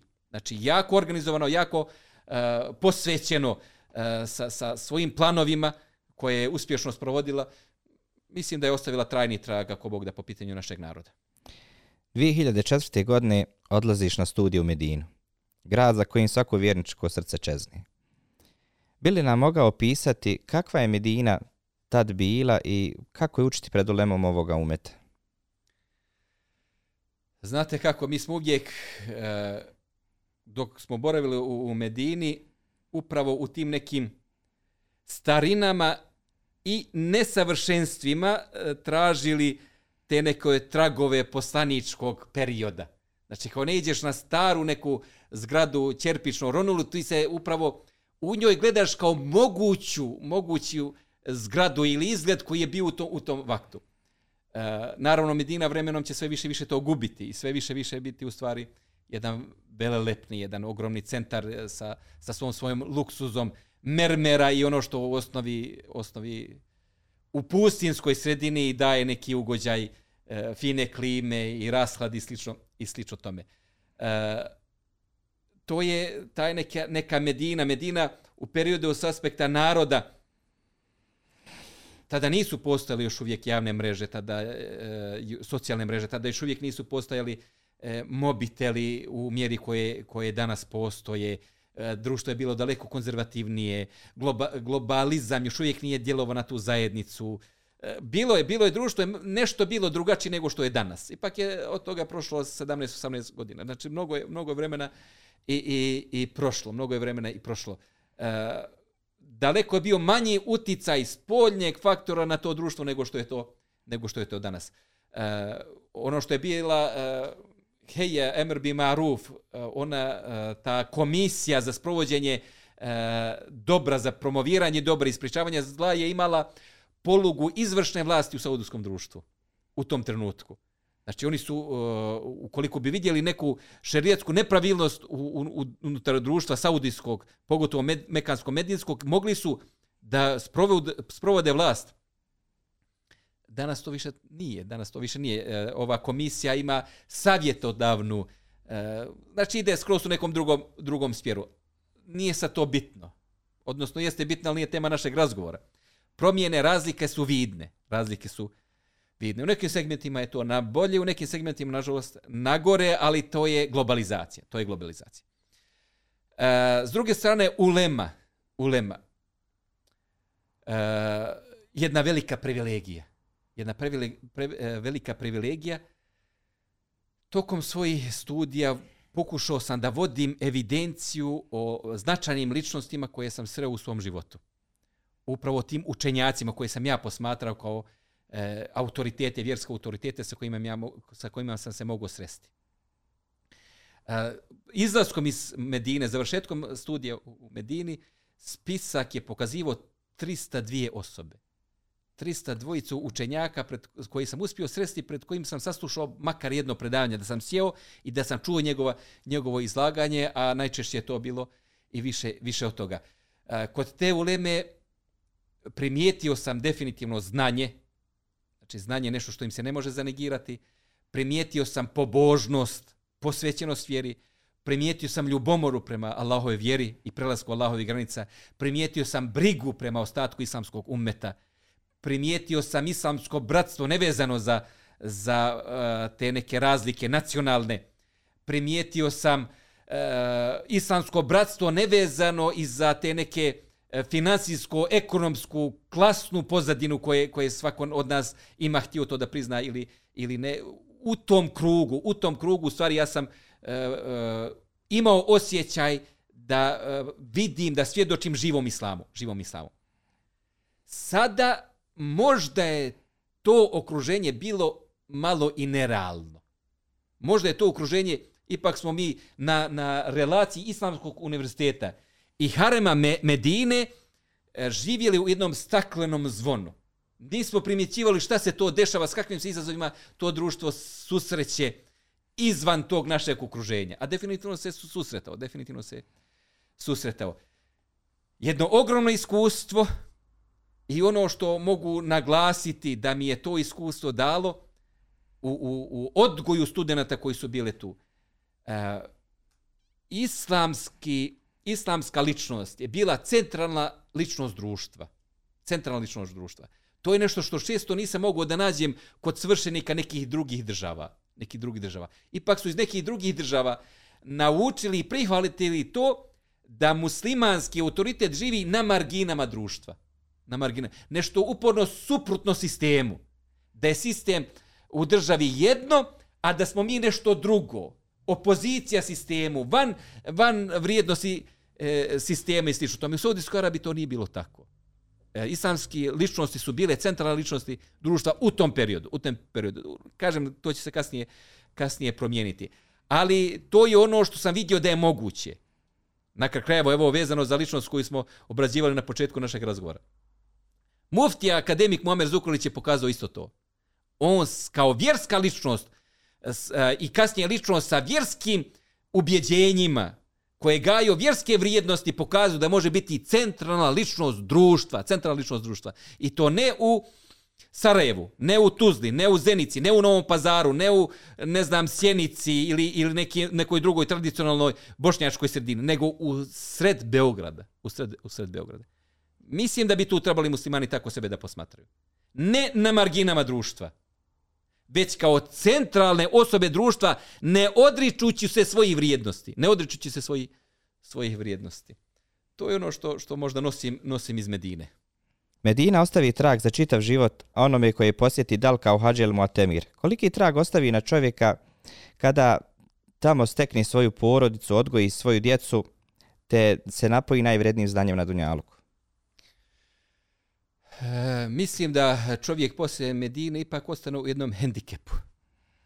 E, to naravno, naravno vremenom blijedi, više ne osjećam to u onoj mjeri koji sam osjećao, ali kad sam morao da napustim Medinu i kada sam se vratio u svom tom nekom zavičaju u svom životnom prostoru, osjećao sam se da sam kao da sam van svog životnog, životnog ambijenta, van svog prirodnog životnog ambijenta. E, osjećao sam da ne mogu više da živim punim potencijalom kao što sam živio unutar, unutar medinske e, zajednice. Taj osjećaj je dugo pratio, naravno vremenom blijedi kako životne obaveze, kako životni ritam, onda i hvala Lahu što je tako, i hvala Lahu što je, što je tako. Izlaskom iz Medine osjećao sam, osjećao sam se ranjenim. Osjećao sam se ranjenim. Osjećao sam se poput djetima, osjećao sam se e, slabašnim, osjećao sam se van svog životnog ambijenta. Uh, dugo vremena, dugo vremena nisam mogao da gledam slike Mekke Medine, snimke Mekke Medine. E, uh, na nove bi više to djelovalo na mene bolno nego što bi mi izazivalo, izazivalo radost. To je jedna realnost, realnost Mekke Medine. To je jedna realnost Mekke, Mekke Medine. Uh, Mekka je Beka, ona koja te ponovno doziva. Medina je prva muslimanska civilizacija i uh, mjesto prema džaba, srca su vezana, srca su vezana za te, za te gradove, srca su vezana za te, za te gradove. Veliki benefit, veliku radost, veliku počast što je čovjek živio u tom, u tom gradu, ali s druge strane velika rana. I velika rana koju čovjek nosi, opet kažem, hvala Allahu, ona blijedi, ona zacijeli određenoj mjeri, ali vjerujte, u konačnici uvijek se osjećaš, osjećaš bolno, kad u stvari razumiješ šta si ostavio, Mada, hvala Allahu, zadovoljni smo, alhamdulillah, zadovoljni smo našim životnim krajevima. Tvoj davetski put e, počeo je 98. godine i traje dan danas. Da li to kroz razne organizacije kao aktivista prije odlaska na studije ili kroz pisani angažman, rad sa studentima, pomoć hađijama tokom studija, kroz plodonosni rad daje mualima, autora i prevodioca nekoliko knjiga nakon studija, koji vid davetskog angaža, anga, e, koji vid davetskog djelovanja smatrate najneophodnijim danas? Uh, gledajte, uh, mi imamo sada i dalje, i dalje kad govorimo o davi, mi u stvari najčešće govorimo o van institucionalnom djelovanju i govorimo o djelovanju kroz nevladin, kroz nevladin sektor. Eh, smatram da bi svaka davetska organizacija, svaka organizacija koja djeluje uh, na terenu i pokušava da radi sa našim narodom, u svom programu morala imati i podršku studentima. Morala. Znači svako udruženje moralo bi imati podršku studentima, makar sa jednom stipendijom, da stipendiramo jednog studenta, jednog studenta. To bi u konačnici sa destinama uh, organizacija koje mi imamo, živih organizacija koje imamo na terenu, dalo da mi u stvari stipendiramo desetine, desetine studenta, što nije mali, mali broj. Tako da bi se tome trebali posvetiti dio naše aktivnosti. Moramo usmjeriti prema, prema tome. Smatram da bi eh, svaka davetska organizacija, organizacija koja ima u sebi ta interesovanje da radi sa, sa našim narodom, eh, promjena svijesti, poboljšanje vjerski, nacionalne, patriotske svijesti i svih vrijednosti i vrlina koje, koje je karakteristično za našu vjeru ili za naš narod – smatram da bi morala imati kvalitetne kontakte sa nekim džematom na teritoriji manjeg BH entiteta. Znači, smatram da bi to bilo jako bitno, jako bitno, da imamo neke bratske džemate eh, na teritoriji manjeg BH, BH entiteta, gdje bi ti ljudi znali da imaju našu podršku, da imaju neku organizaciju koja prati njihov rad, koja brine o njima i slično tome. Smatram da bi svaka naša organizacija morala imati e, također povezanost i vezu sa nekim džematom na teritoriji Sanđaka.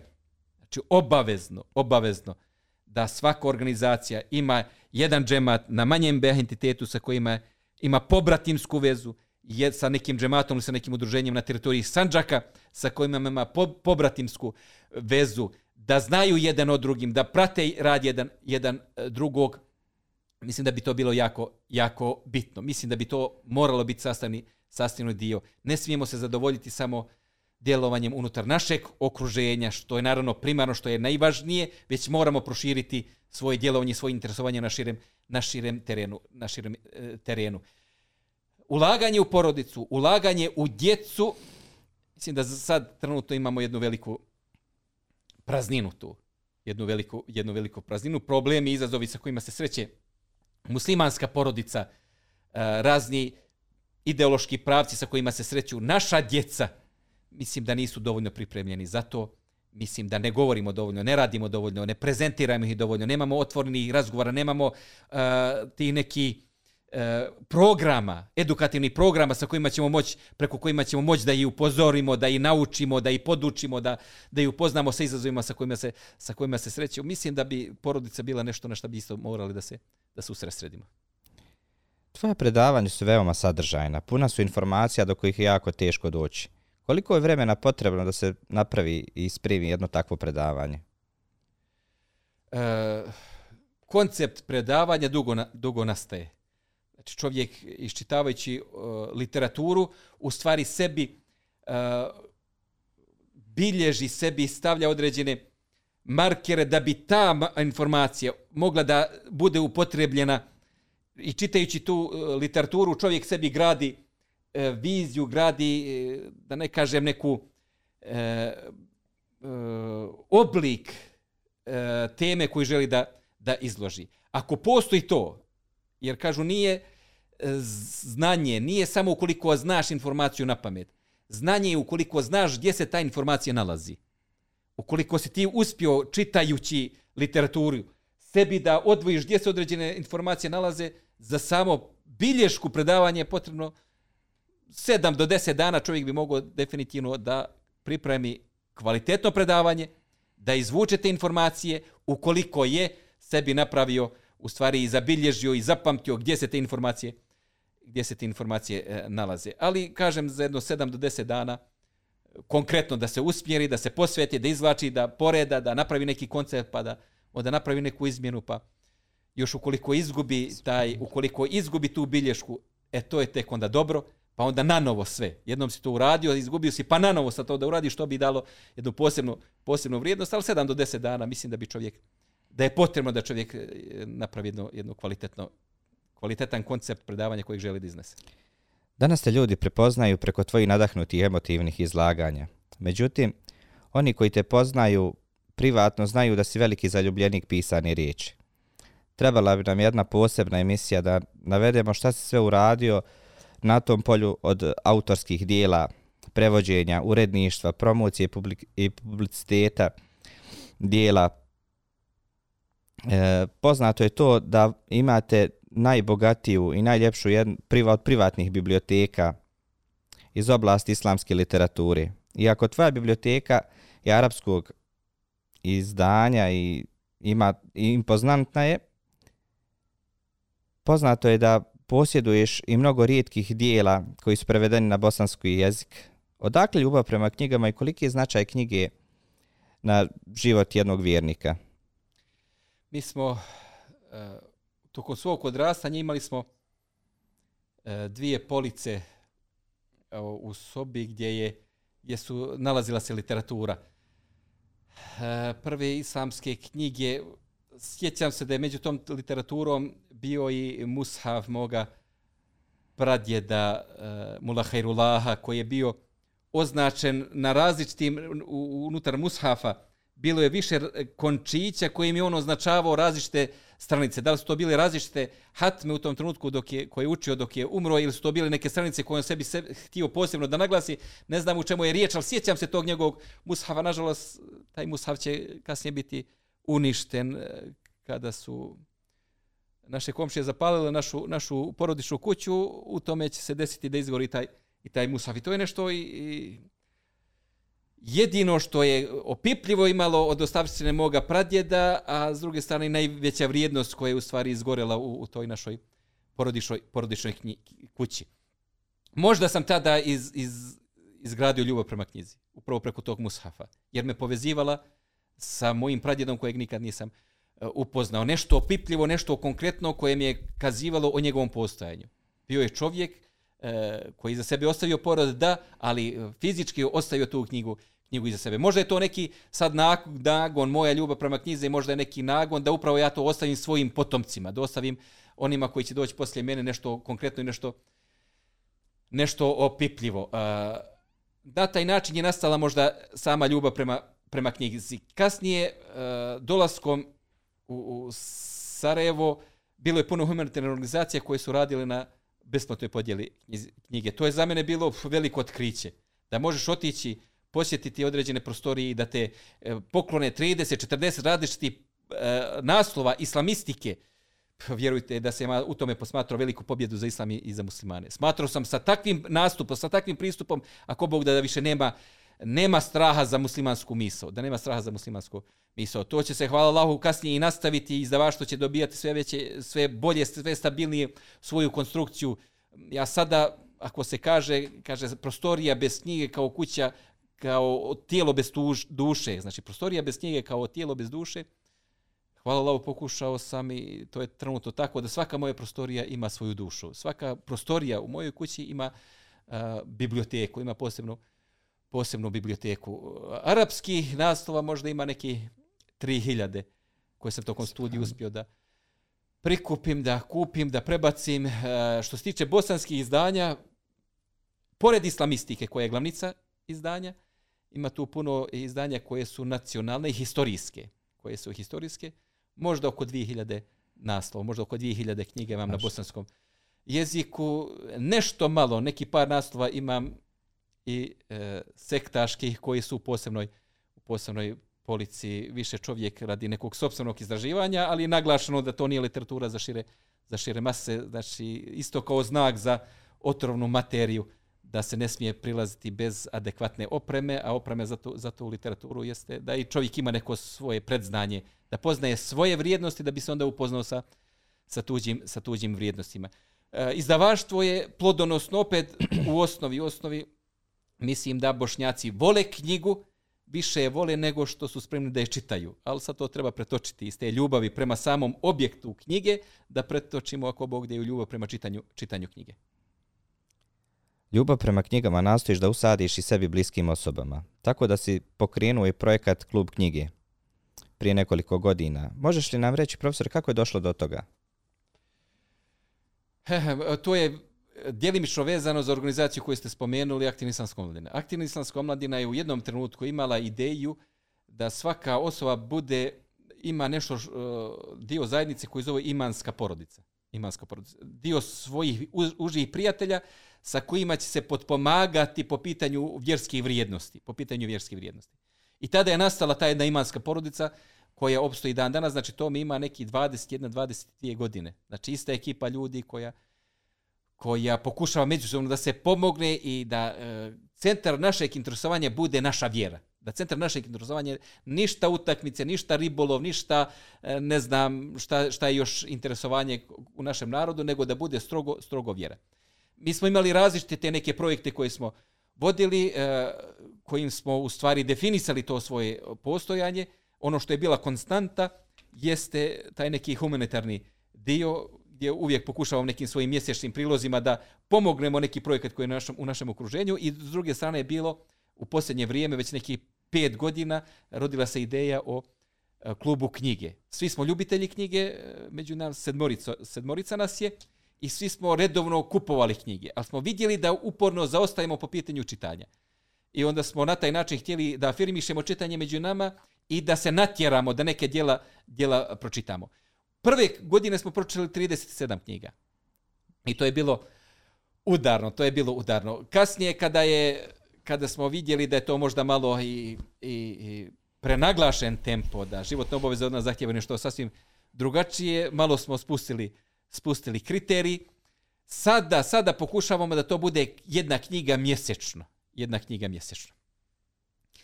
Uh, interesantno iskustvo, svak čita za sebe, ali jednom sedmično se okupimo kako bi prokomentarisali e, dio koji smo pročitali. E, neko pocrta nešto što mu nije bilo jasno ili pocrta nešto što je na njega ostavilo jak dojam, jak uticaj i što mu se posebno, posebno svidjelo. I mi, ostali smo jako bliski ljudi, e, sedmorka ta već dugo živi zajedno, na isti način razmišljamo, na isti šablon razmišljamo, najčešće se dešava ono što je jedan zaokružio da su zaokružili svi ostali. Ono što je jednom se svidjelo da se svidjelo svim, svi, svim ostalim, vjerujte da to je već jedna, jedna, jedan um. Pretvorili smo se u jedno umlje. Nešto od čega smo bježali, pretvorili smo se u to. Da bi pobjegli od jednu umlja, sad smo po prvi put ove godine uveli jednu novotariju, a to je da izbor knjige više nije moj dio. Dosta sam ja namećo teme, dosta sam ja namećo knjige. Eto, to, dali smo to malo demokratičnosti naše, našoj zajednici, tako da u stvari idemo ciklično. Svako odabere knjigu koju bi volio da se pročita i onda je mi e, naravno prihvatimo to. Makar je mi pročitali ranije i na novo, na novo je čitamo, tako da sada, sada smo u toj nekoj fazi. Jedna knjiga mjesečno, ali svak ima e, ponosovo pravo da izabere koja će se knjiga, koja će se knjiga čitati. Profesore, koja knjiga vam je najdraža? Koja knjiga je na vas ostavila poseban uticaj? Šta trenutno čitate i šta biste preporučili našim gledalcima da čitaju? Uh, izdavaštvo koje se desilo u tom periodu, opet se vraćamo na aktivnu islamsku omladinu, njihove prve knjige, definitivno da su, eh, čovjek je nekako ozbiljnije prilazi u materiji tada. Literatura je bilo manje, uh, više cijenio sadržinu te, te knjige i više upio zadržinu te knjige. Posebno u tom izdavaštvu jeste Bistro more pobožnosti i subtilnosti, i poslije toga kompletne sve knjige od Ahmeda Ferida koje će nastati, koje će se prevesti i koje sad ima na našem jeziku već neke 4-5 knjiga. Njegovi, ali posebno Bistro more, pobožnosti i subtilnosti. Posebno što smatram da je jako bitno da naši, naša omladina pročita jeste boliste lijek od Ibn Kajim al-đabuzija. E, posebno što smatram jako bitnim da naša omladina pročita jeste e, dimenzija i badeta, dimenzija, duhovna dimenzija i badeta od skupina, skupina učenjaka u stvari riječ, mislim da je Ersad Grahovac priredio tu knjigu. Smatram je jako bitnom knjigom, jako bitnom knjigom, jer ta knjiga u stvari govori o suštini imanskih šarta. Šta, šta suš, suštinski predstavljaju ima, imanski šarti, islamski šarti? Šta suštinski predstavlja namaz? Znači ono što mi tehnički obavljamo, i što, a što obavljamo, što je prisutno u našem životu, šta ono suštinski znači? Smatram da je ta knjiga jako, jako bitna. Uh, knjiga od, od imanski odgoj, nešto što smo posljednje čitali. Imanski odgoj je nešto što smo čitali pretprošli mjesec od doktora Hake Kanurića. Ona govori o uticaju imanskih šarta na život. Kako imanski šarti utiču na izgradnju ličnosti. Mi tvrdimo da vjerujemo u šest imanskih šarta. Šta to u stvari predstavlja? Šta su te imanski šarti od nas napravili? Također, jako bitno djelo, jako uh, lijepo djelo koje bi preporučio, koje smo čitali prošli mjesec, jeste poziv istine. E, profesor Irfan Klica, i student je u Rijadu, on je priredio to dijelo, govori da li je vjera prirodna ili nametnuta, da li je to nešto suštinski što svaki od nas gaji unutar sebe, da li je to neminovnost, da li je to naša fitra ili nije, i ukoliko jeste, koja je to vjera koja u stvari treba mi da izaberemo. Znači, jako, jako fino dijelo, jako uh, kvalitetno dijelo, tehnički fenomenalno odrađeno, ono što se rijetko trenutno nalazi u, u knjigama, da se izbjegne e, greške u, u pravopisu, da se izbjegnu dodatna slova, faljenje slova, ili sviš tome ova knjiga stvarno sa tog aspekta zategnuta tako da bi, da bi je preporučio, da bi su tu stvari dijela koje, koje, bi, koje bi ja preporučio. Trenutno čitamo uh, zašto su ne već e, kak, e, šta je svijet izgubio dekadenco muslimana. E, ta knjiga ima svoja dva prijevoda. Jedna je u, u naslovu, kao što sam rekao, šta je svijet izgubio dekadenco muslimana od Ebu Hasan al-Nedevija. Ovu, ovu knjigu su preveli Semir Rebronja i naš muftija trenutno sanđački Abdurrahman Kujević. Još iz studentskih dana su to prevodili. A isto to dijelo je prevedeno u drugom naslovu šta je svijet izgubio stagnaciju muslimana i to je e, Zehebi Hođića, mislim da, da se preziva Zlatko. Mislim da je Zlatan ili Zlatko Hođić, on je prevo, prevo to djelo. Obje su knjige izašle 2013. godine, znači oni u tom trenutku nisu znali da jedni i drugi rade, ali obje knjige su ugledalo svjetlo dana. Ranije smo nekad pročitali od, od uh, Zehebija, sad smo uzeli da pročitamo ovo drugo, drugo izdanje, čisto da ispoštujemo i te i te prevodioci i to je nešto što posljednje, što posljednje čitamo. Planirali smo uz tu knjigu da pročitamo i od Omera Eškara jedno mala brošurica od 50 stranica kako da umet povrati svoj nekadašnji ugled. I mislim da su to teme koje muslimani moraju da se da tretiraju. Zašto je došlo do dekadence? Kako da povratimo svoj nekadašnji ugled? Da shvatimo da su naše uloga u čovječanstvu centralna uloga. Centralna uloga, a ne neka marginalna i neka uh, na, na, marginama, na marginama društva s čim se nažalost muslimani često, često mire. Koliko vremena, truda i novca je potrebno da bi čovjek posjedao jednu biblioteku poput tvoje, te koji savjet bi dao ljudima, oni koji kažu ja jednostavno nemam vremena za čitanje? E, što se tiče nemam vremena za čitanje, ja bi se e, ustručavao klasifikacije da čovjek tvrdi kako nema vremena. Kako nema vremena. U toj tvrdnji malo, malo optužujemo gospodara svjetova. Malo optužujemo gospodara svjetova. Toga se trebamo pripaziti. Ja bi skloniji bio tome da kažem nemam umijeća da organiziram svoje vrijeme. Mislim da je to daleko pravednije. Muslimanski je tako da se kaže. Nemam umijeće da rasporedim svoje vrijeme. Mene je gospodar svjetova dao 24 časa. 24 časa je veliko. 24 časa je mnogo. 24 časa mnogo. Ja što ne umijem da rasporedim ti 24 časa je moj problem. Moj problem. Nije to što mi je gospodar svjetov uskratio dovoljno vremena, nego što ja ne umijem da raspolažem sa, sa svojim vremenom. 24 čase u svom životu je imao i, i muftija Momer Zukorlić. Pa šta je on uradio po pitanju svoje ličnosti, šta je uradio po pitanju svog okruženja? Jel govorio nemam vremena? Ne, nego je uporno radio na tome da što bolje rasporedi, rasporedi svoje vrijeme. Vrijeme za čitanje mora postojati To nije stvar izbora. Smatram da nije, ukoliko želimo nešto da napravimo od našeg života i ukoliko želimo neku ostavštinu da ostavimo za našu, za našu djecu. S tim što to zahtjeva da ga bolje, bolje rasporedimo. S druge strane, ne može se svaka knjiga pročitati, to je tačno. To je tačno. Ali, kad kupiš knjigu, ukoliko pročitaš uvod, kako bi se upoznao zašto je autor napisao tu knjigu, ili zašto je prevodioc izabrao da prevede tu knjigu, ti već imaš dobar uvid u knjigu i ukoliko pročitaš sadržaj, šta ta knjiga obrađuje, šta ta knjiga govori. Znači ti si se već upoznao sa, sa, sa knjigom u velikom mjeri. Kupi knjigu, pročitaj uvod, pročitaj sadržaj. Ukoliko ne možeš u tom trenutku da je pročitaš, odloži je, pa neka će, može Allah dati da neka ćeš naći vremena da je, da je pročitaš. Što se tiče novca, Eh, uh, izdavaštvo je dosta živo, izdavaštvo je dosta aktivno, uh, potrebno je, potrebno je redovno izdvajanje novca. Ja ću vam navesti primjer jednog našeg brata iz Goražda. Jedna stvarno fin primjer. Eh, često mi padne na pamet. Jednom smo izložili knjige iz našeg izdavaštva, iz izdavaštva našeg udruženja na sajmu knjiga u Sarajevu prije pandemije, prije korone. I on je došao, posjetio, došao iz Goražda da posjeti sajem knjigu u Sarajevu. I kada je kupovao knjige s našeg standa, plaćao je sitnim kovanicama. I izvinjava se i kaže, kaže, ne želi da malo izgleda ono mizerno kad čovjek plaća kovanicama 15-20 maraka, manje od toga, više od toga. Ali kaže, ovo sam u stvari, godišnje imam kasu u koju ubacujem sita novac, pa kad je sajam knjige, otvorim tu kasu, sav novac koji nađem u, u kasi, potrošim na, sajam, na samom sajmom knjige. Znači, postoji način da čovjek sebi obezbijedi budžet. E, kada iz svog džepa izvajaš onaj sitni novac, čovjek ne primijeti da je nešto značajno odvojio. Ali kad tu kasicu na kraju odvoji, vjerujte da se uvijek može naći par stotina maraka. Par stotina maraka, ukoliko čovjek potroši godišnje e, na kupovinu knjige, mislim da je to jako, jako e, pohvalno i da je to fin fond. S tim, ukoliko neko želi stvarno da prati islamistiku kao što ja pratim, nije dovoljno, par stotina maraka godišnje nije, nije dovoljno, već mora, mora izaći na hiljadu, mora izaći na hiljadu, na hiljadu maraka godišnje.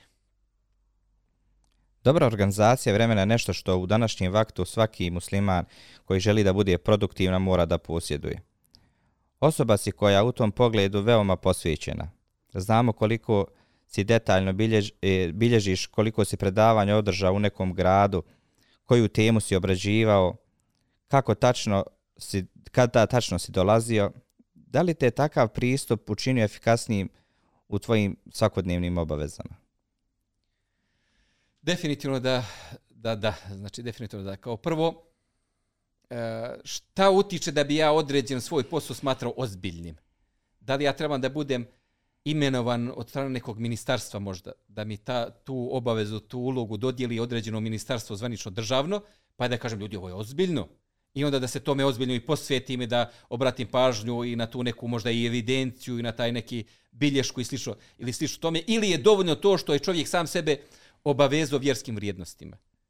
Mislim da je omalovažavanje naše vjere i mislim da je omalovažavanje misije dave i islama ukoliko ozbiljan pristup imamo onog trenutka kada nas uh, ministarstvo zaduži ili bila koja druga institucija, a s druge strane neozbiljan pristup ukoliko se sami, se, sami opredjelimo za to da upišem fakultet islamskih studija nije me niko tjerao. To je moj lični izbor. I do tog trenutka moje obaveze su bile na jednom nivou. Onog trenutka kada sam upisao fakultet islamski e, nauka, najprije u Sarajevo, kasnije i, i islamski fakultet u, u Medini, ja sam uzeo obavezu e, iz rada za islam, odnosno rada na širenju vjerske svijesti i svijesti o vjerskim, vjerskim vrijednostima. Zar to nije dovoljan razlog da čovjek ima ozbiljan pristup? Mislim da jeste. Mislim da jeste. Ne treba niko da me imenuje ukoliko sam ja tu obavezu uzeo pred gospodarom svjetova i smatram da ću za nju odgovarati na sudnjem zdanju.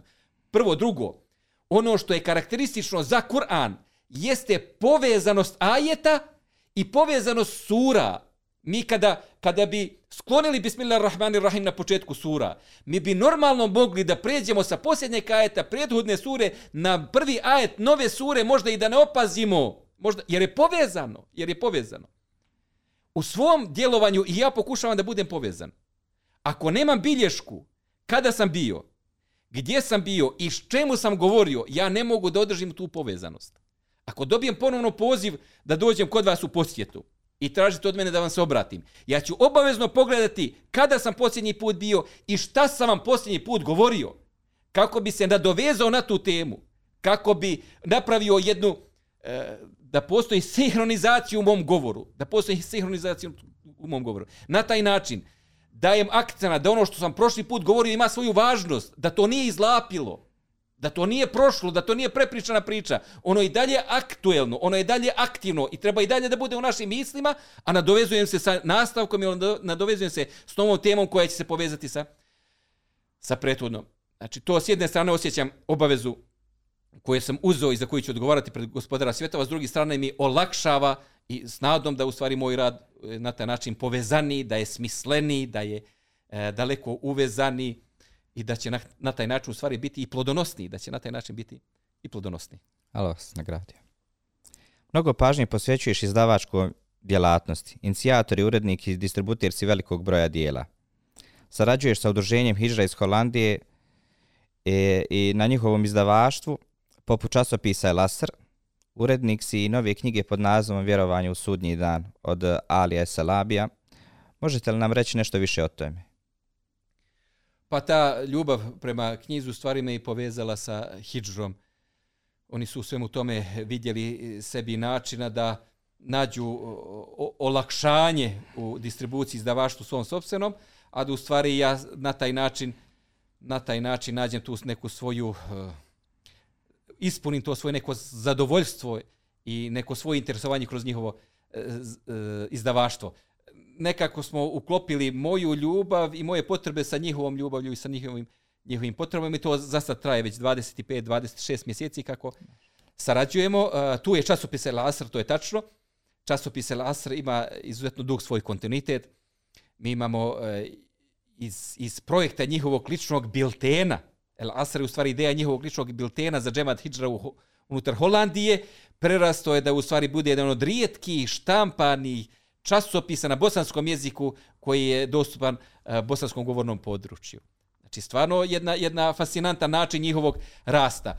Eh, drugo, eh, 105. broj smo mi štampali, on izlazi šest puta godišnje, 105. broj je cifra koja zavređuje, respekt koja zavređuje pažnju. Fe, mislim, mislim da su odabir tekstova da je fenomenalan, mislim da su ljudi koji pišu za časopis Lasar jako prosvećeni ljudi. Smatram da je grafički časopis Lasar doživio jako veliki iskorak s tim što časopis u stvari počiva na, na jednom e, stvarno bezrezervnoj e, požrtvovanosti našeg brata e, šerifa iz Holandije, koji sve to uspjeva da sinhronizuje, da sve uveže, da iako ni unutar domovine, znači izvan domovine zasluga, glavna zasluga za ovaj časopis u stvari njegova i tu su stvari dvojica ljudi, naših autoriteta, šehova, e, stvarno, stvarno ljudi od znanja i ljudi od, od ahlaka i od edeba. Na prvom mjestu je tu uh, Hajrudin Tahir Ahmetović, čovjek koji je najduže u ovom projektu u časopise Lasra, tu je i naš magistar Osman Smajlović, Znači časopis počeo u stvari na, na, na njima, na šerifu kao tehničkom i na njima dvojici koji drže kontinuitet, koji drže kontinuitet u tom časopisu. E, moja uloga u časopisu je sada e, čisto irgetim. Irgetim moje je da, da na kraju časopis dostavim do, do čitalaca i to je, vjerujte, najkonkretnije. Najljepše, u tome osjećam veliko zadovoljstvo. U to osjećam veliko zadovoljstvo. Što tiče ostalog izdavašta, uh, e, Hidžara je odabrala da proprati dijela od doktora Salabija, historijsku epohu. Mi smo uskoro, na koncu, ja se nadam, u sljedećeg mjeseca ili uzgor, uskoro, ako ne bude eh, početkom sljedeće godine, će biti da se izdaju posljednje dvije knjige iz ranog perioda Islama. To je knjiga posebno o Ali radijalahu talanhu i posebno knjiga o Hasanu radijalahu talanhu. Na taj način mi ćemo imati Siru, imat ćemo četvorice pravidne halifa, imat ćemo Hasana, koji je upotpunio 40 godina zlatnog perioda Islama, i imat ćemo Muaviju radijalahu talanhu koji je definitivno uh, od ashaba koji su bili halife muslimana, oni su već uradili osmanlijsku državu, da li ćemo u sklopu toga uspjeti posebno mevijsku i abasijsku periodu, to ćemo vidjeti u kojem smjeru će, smjeru će ići. Pored toga, Hidžra je sebi uzela za obavezu da bude servis, servis za izdanja doktora Safeta Kuduzovića. I to je velika počast za samu hidžru, za izdavaštvo hidžre. Ipak doktor Safet Kuduzović je e, izdvaja se njegov način izlaganja i njegovo znanje i njegovo bogobojaznost. Mislim da, da je vidna i da iskače u odnosu na ostale ljude, a e,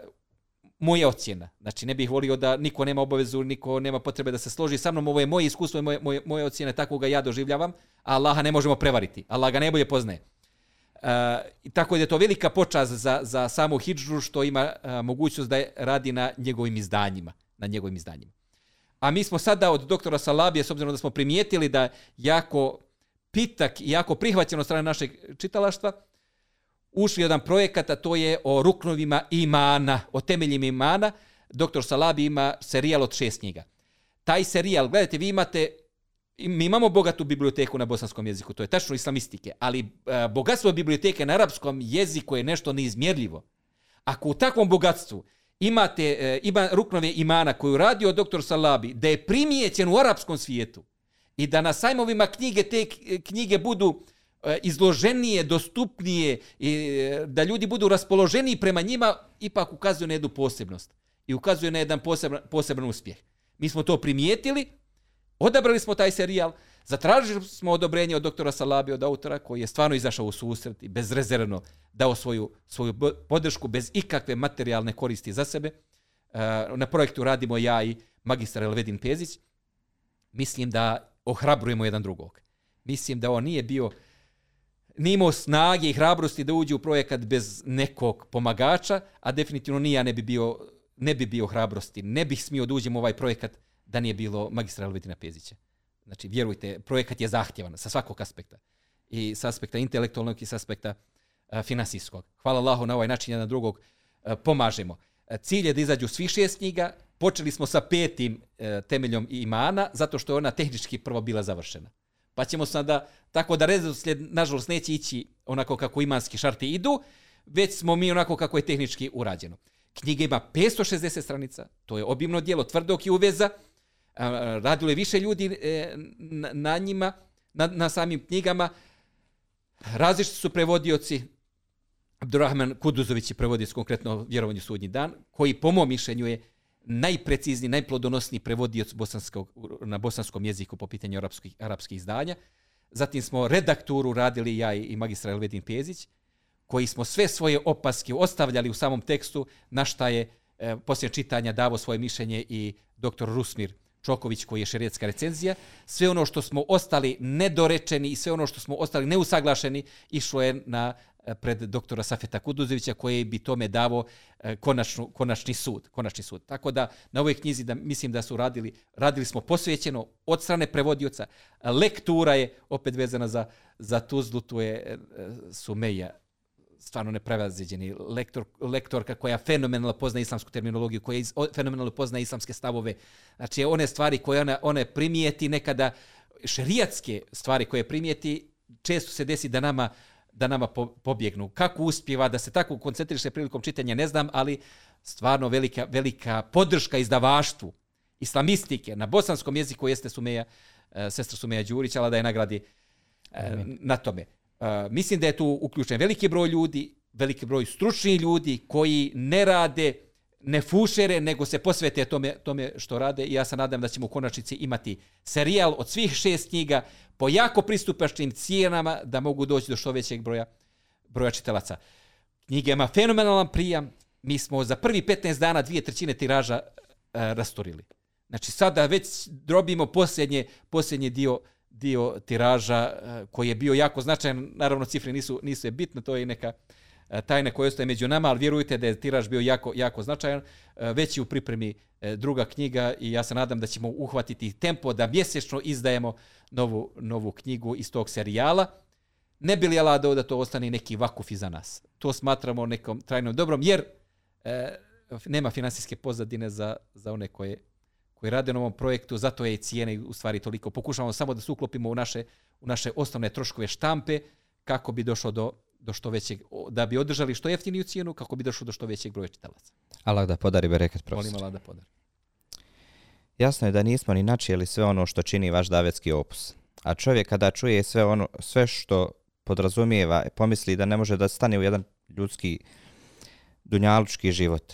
Ipak, alhamdulillah, Allah daje nekim ljudima bereket u radu, pa e, imate i pomoć od svoje porodice na davetskom putu.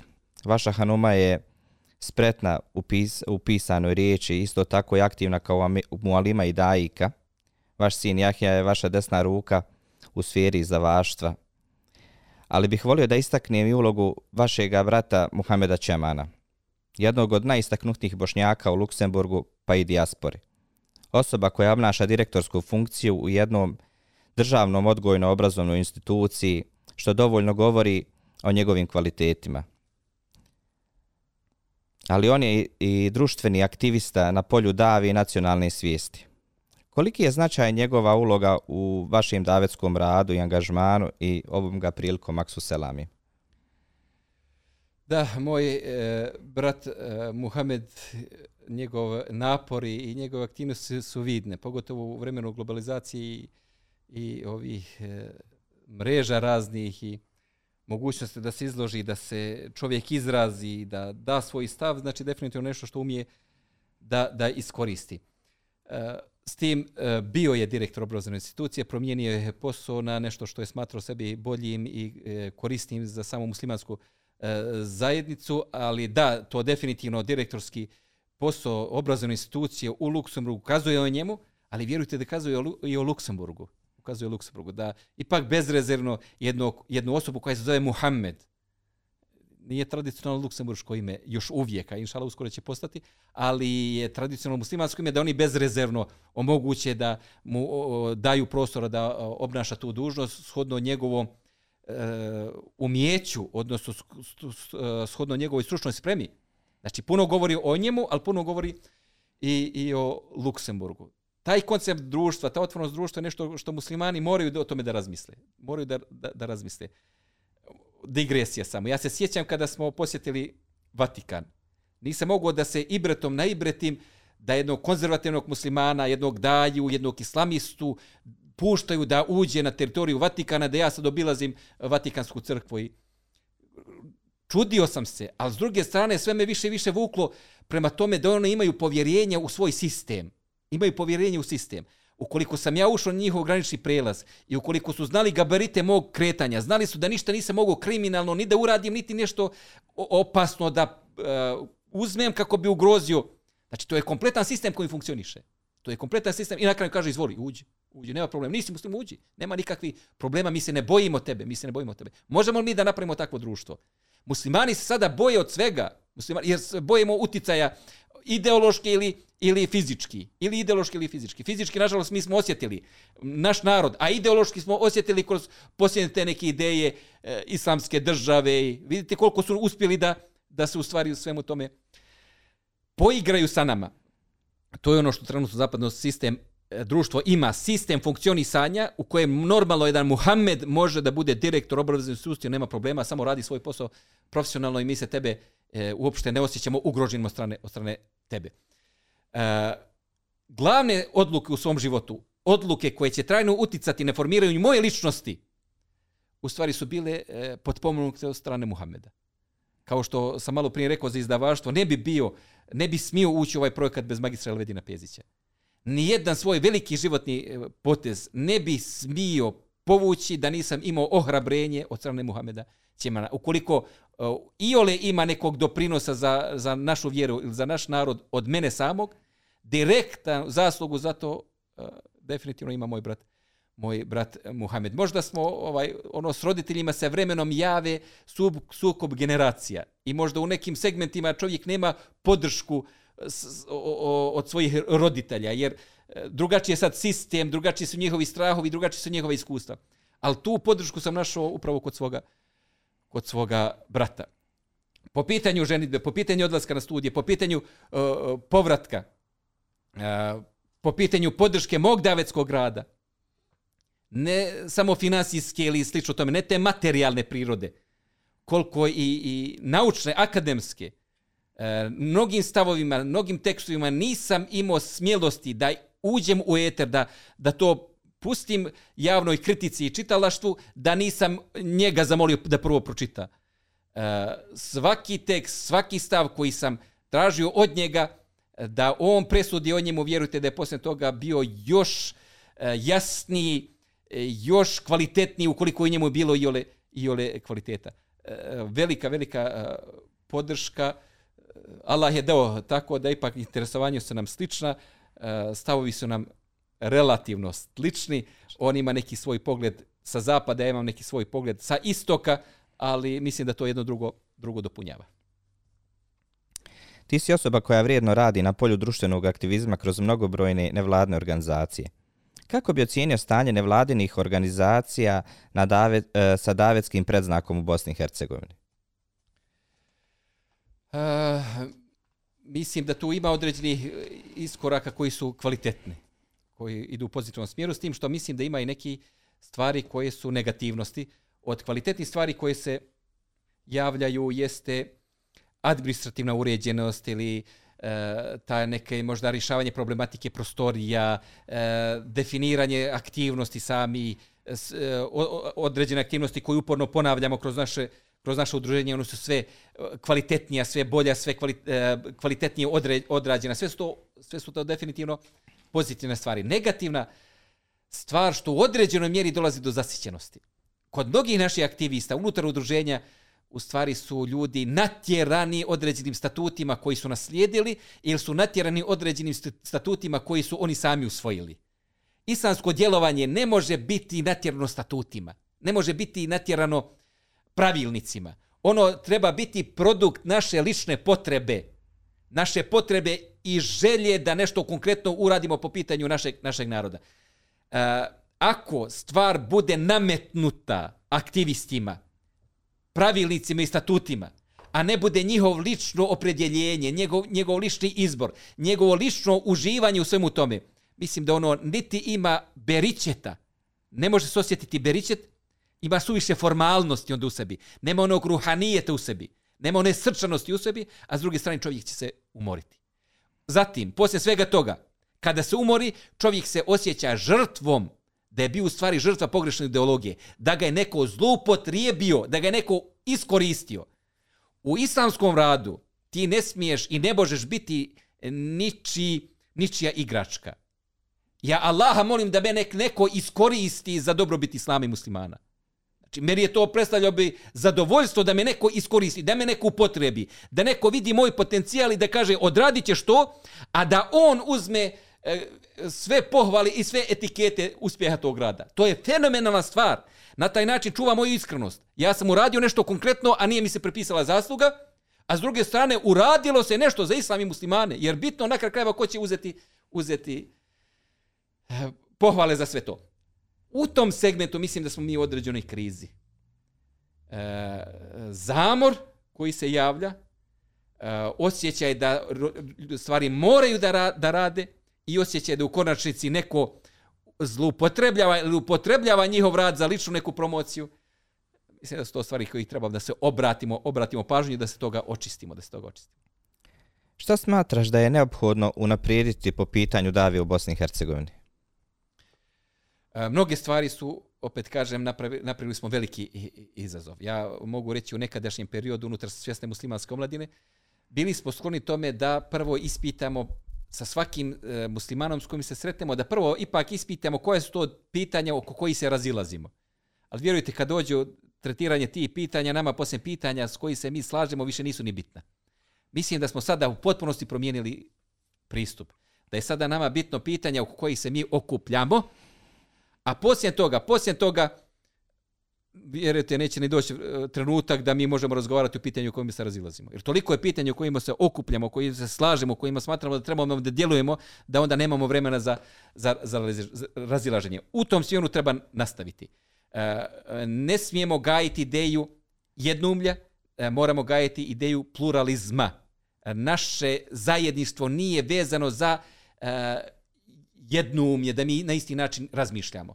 Naše zajedništvo jeste da mi budemo skupa, da se poštujemo i pomažemo, bez obzira što znamo da su u nekim segmentima e, razilazimo i imamo pogled, različiti pogled.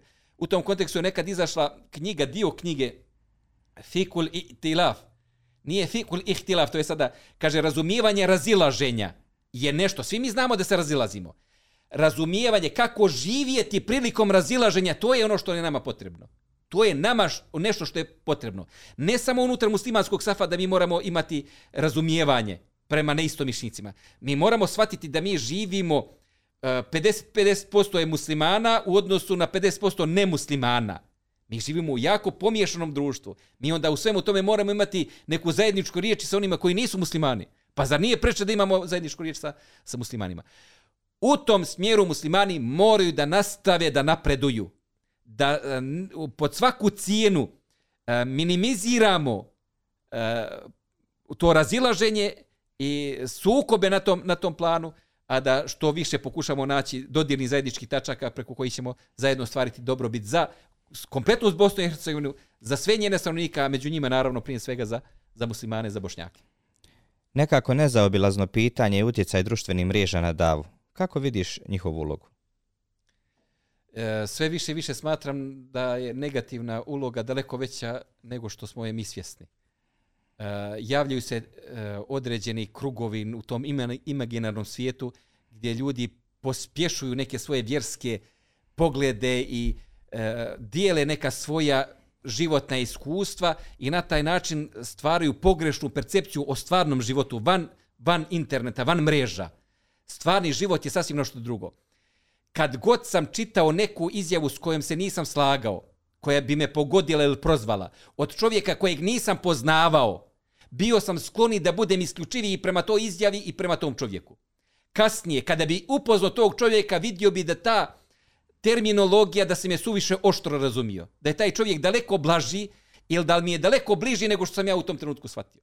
Svatite da lični susreti, lični susreti, upoznavanje ljudi na terenu u stvari daje nam jednu blažu, prihvatljiviju sliku o tom čovjeku izgradnja svijesti o muslimanskom društvu ili o muslimanskim pojedincima na osnovu interneta je katastrofalno, ubitačno, negativna. Negativna. Ja izgradim svijest o nekom islamskom radniku ili nekoj javnoj ličnosti samo na osnovu e, interneta. To je jako opasno. To je jako, jako opasno. I ta negativna strana, tu se javlja i kult ličnosti, tu se javljaju i određene osobe koje imaju umijeća oko, oko tih javnih mreža da sebe nametnu kao neke vjerske autoriteta. Mi vidimo da ti ljudi nekada ili nisu dovoljno zreli znanjem ili nekada nisu dovoljno zreli godinama. Euzu billahi minen nasi tešejehu kable en ješihu, kažu endelužani, znači evropljani, endelusa, muslimani endelusa, su imali običaj da iz tih kažu Allahu se utičemo od onih ljudi koji su postali zna, znalci, prije nego što su zato sazreli. Prije nego što im je adekvatna dob, dob, dob došla. Znam da je bolno i ja, meni je bilo to teško prihvatiti da me neko izbaci, da me neko skloni i da neko zanemari moj stav zato što je sam u 20. zato što sam u 30. godinama. Ali od saburaj doći će tvoje vrijeme. Od sabure doćete tvoje, tvoje vrijeme. E, to su negativne stvari interneta. Ali s druge strane, stvarno možemo doći do ljudi do kojih ne bismo mogli doći fizički da nema interneta. Da nema interneta. Mnogi ljudi su upoznali sa islamom. E, raspoloženje i stavove koji su ljudi saznali od Muamera Zukorlića ne bi bili u mogućnosti da, ne da nije bilo interneta. Pogledajte, raspoloženje i oduševljenost nemuslimana prema islamu i muslimanima i Momeru Zukuliću, on do toga ne bi došlo da... Znači ono definitivno je jedno jako oružje koji ima jako pozitivne efekte, ali ima i negativne efekte koji su veći nego što smo mi u ovom trenutku svjesni, a čim toga nismo ni svjesni, onda nemamo ni adekvatnu odbranu od tih stvari. Mi moramo da izgradimo adekvatnu odbranu od tih, od tih pojava kod naše omladine. Profesore, ranije smo se kratko dotakli tvoje porodice. Roditelj si sin, suprug, a odnedavno i djed Maša Allah. Koliko je značajna skladna porodica u životu svakog muslimana? Uh, islam je u stvari porodična vrijednost prije svega. Ako mi govorimo o islamu kao društvenoj pojavi, to u stvari sve počinje na porodičnom nivou. To sve počinje na porodičnom nivou. Uh, ukoliko ja nemam poredane emocije i misli u, svojim glav, u svojoj glavi, u svojim prsima, ja ne mogu onda da kontrolišem te misli, da izrazim, niti mogu da kontrolišem svoje e, emocije u, svom, u svojoj spoljašnosti, u svojoj spoljašnosti. Ukoliko ja nemam stabilnu porodicu, E, jako mi je teško da onda tražim neki sklad, da tražim neku vjersku dosljednost izvan moje, izvan moje porodice. E, velika je podrška definitivno i e, velike satisfakcije i veliki je uspjeh kada čovjek uspije da to, da to ostvari. E, sad, hvala Allahu, hvala Allahu, sad za sad čovjek je zadovoljan sa onim što, što se dešava, način na koji se razvija njegova porodica. I, znači sad, hvala Allahu, sve to ide u smjeru koji čovjek sve najviše može samo da poželi. Ali naravno to će odrastanjem i novisnošću svoje djece vidjet ćemo. Vidjet ćemo u kojem smjeru će Allaha moliti samo da nas učini od bogobojazni. Da naša završnica bude mm. najbolja. Da naša završnica bude najbolja. Najveći ostavštinu koju bi čovjek mogu iza sebe da ostavi jeste ostavština porodice. Ako bi se prenijela ta vrijednost na... Uh, ja se sjećam, rodbina je nekad imala u početku tu rezervisan odnos prema mojoj ranoj ženitbi u jako nestabilnoj uh, vremenu. Uh, jako zahtjevnom vremenu za moju, za moju porodicu. Ja sam se na to odlučio, eto, na kraj krajeva imao sam konstantnu podršku. Kada sam to odradio, imao sam konstantnu podršku od svojih ostalih ukućana. Uh, oni sad u tome vide veliku blagodat. Koliko sam sa 20 godina bio o, o, otac, sa 40 godina djed, to i mojim roditeljima puno, puno znači, jer oni sad već imaju svoje praunuče, već vide neku svoju konkretnu ostavštinu dugoročno, već vide u njemu da bi se moglo to još puno užitaka u, u, tim, u, tim, stvarima, u, stvari, u tim stvarima doživjeti. Velika satisfakcija, veliki, e, veliko zadovoljstvo, ali e, Allah samo molit, Allah samo molit. Allah je taj koji upućuje, Allah molit. Čovjek su konačnici nada, ako imam brigu za ostalim muslimanskom djecom, a trudim se da imam, trudim se da imam, e, velike mi je podstrek na to u stvari što posle toga smatram da će gospodar svjetova brinuti o mojoj djeci. Ako ja vodim računa o djeci muslimana, ukoliko želim hajr djeci muslimana, ubijeđen sam da će gospodar svjetova dati hajr mojoj, mojoj djeci. To je zasad, to je zasad formula koja mi nije iznevjerila. A ako se bude desila promjena, onda se desila promjena u meni. Allah molim samo da nas učvrsti. Allah molim samo da nas učvrsti. Amin. Uvaženi profesore, kao i običaj na samom kraju, volio bi da uputite jednu poruku i savjet našim gledalcima. Uh, ono što bi ja savjetovao uh, eh, muslimansku omladinu, generalno sve muslimane, jeste da upoznaju svijet. Da upoznaju svijet. Uh, nekada često mislim da mi nedovoljno poznajemo svijet i da ne, nedovoljno poznajemo društvo. Svijet ćemo upoznati na dva načina. Prvi način je čitanje ukoliko budemo čitali, na taj način rušimo vremenske pregrade i vremenske prepreke. Ja mogu da čitam od ljudi koji su živjeli hiljadema godina unazad, a mogu da, da čitam o prostorima i o vremenima koji se docili stotinama ili hiljadu godina unazad. Znači, knjiga mi omogućava da srušim vremenske barijere, a putovanje mi omogućava da, da srušim u stvari e, barijere prostorne. Nikad se nije lakše putovalo nego danas. Ja ne znam u čovječanstvu, mimo Sulejmana, alaihissalam, da je imao neko jednostavnije mogućnosti putovanja nego što mi danas imamo u našem vremenu. Za 90 eura da otputuješ do Emirata, povratna karta. Naravno, u određenom trenutku 90 eura je veliko, svatam, ali da čovjek opet nekom štednjom i nekim planom, da ode do, do, e, ne do Emirata, nego smo za 90 eura otišli do Omana, preko Emirata do Omana, do Emirata nas je koštala povratna karta 70 eura, 20 eura, ali nije sad ulazim u to neku e, dunjalučku, dunjalučku dimenziju, materijalno. Ali želim da je u stvari banaliziram, da je banaliziram. E, 41 državu sam obišao do sad u svom životu. Od 197 ili 200, 200 nije bitno koliko ima država, i to je promjenljiva, promjenljiva uh, e, kategorija. Nekada smo tako velika putovanja poduzeli sa troškom od neki 200 eura.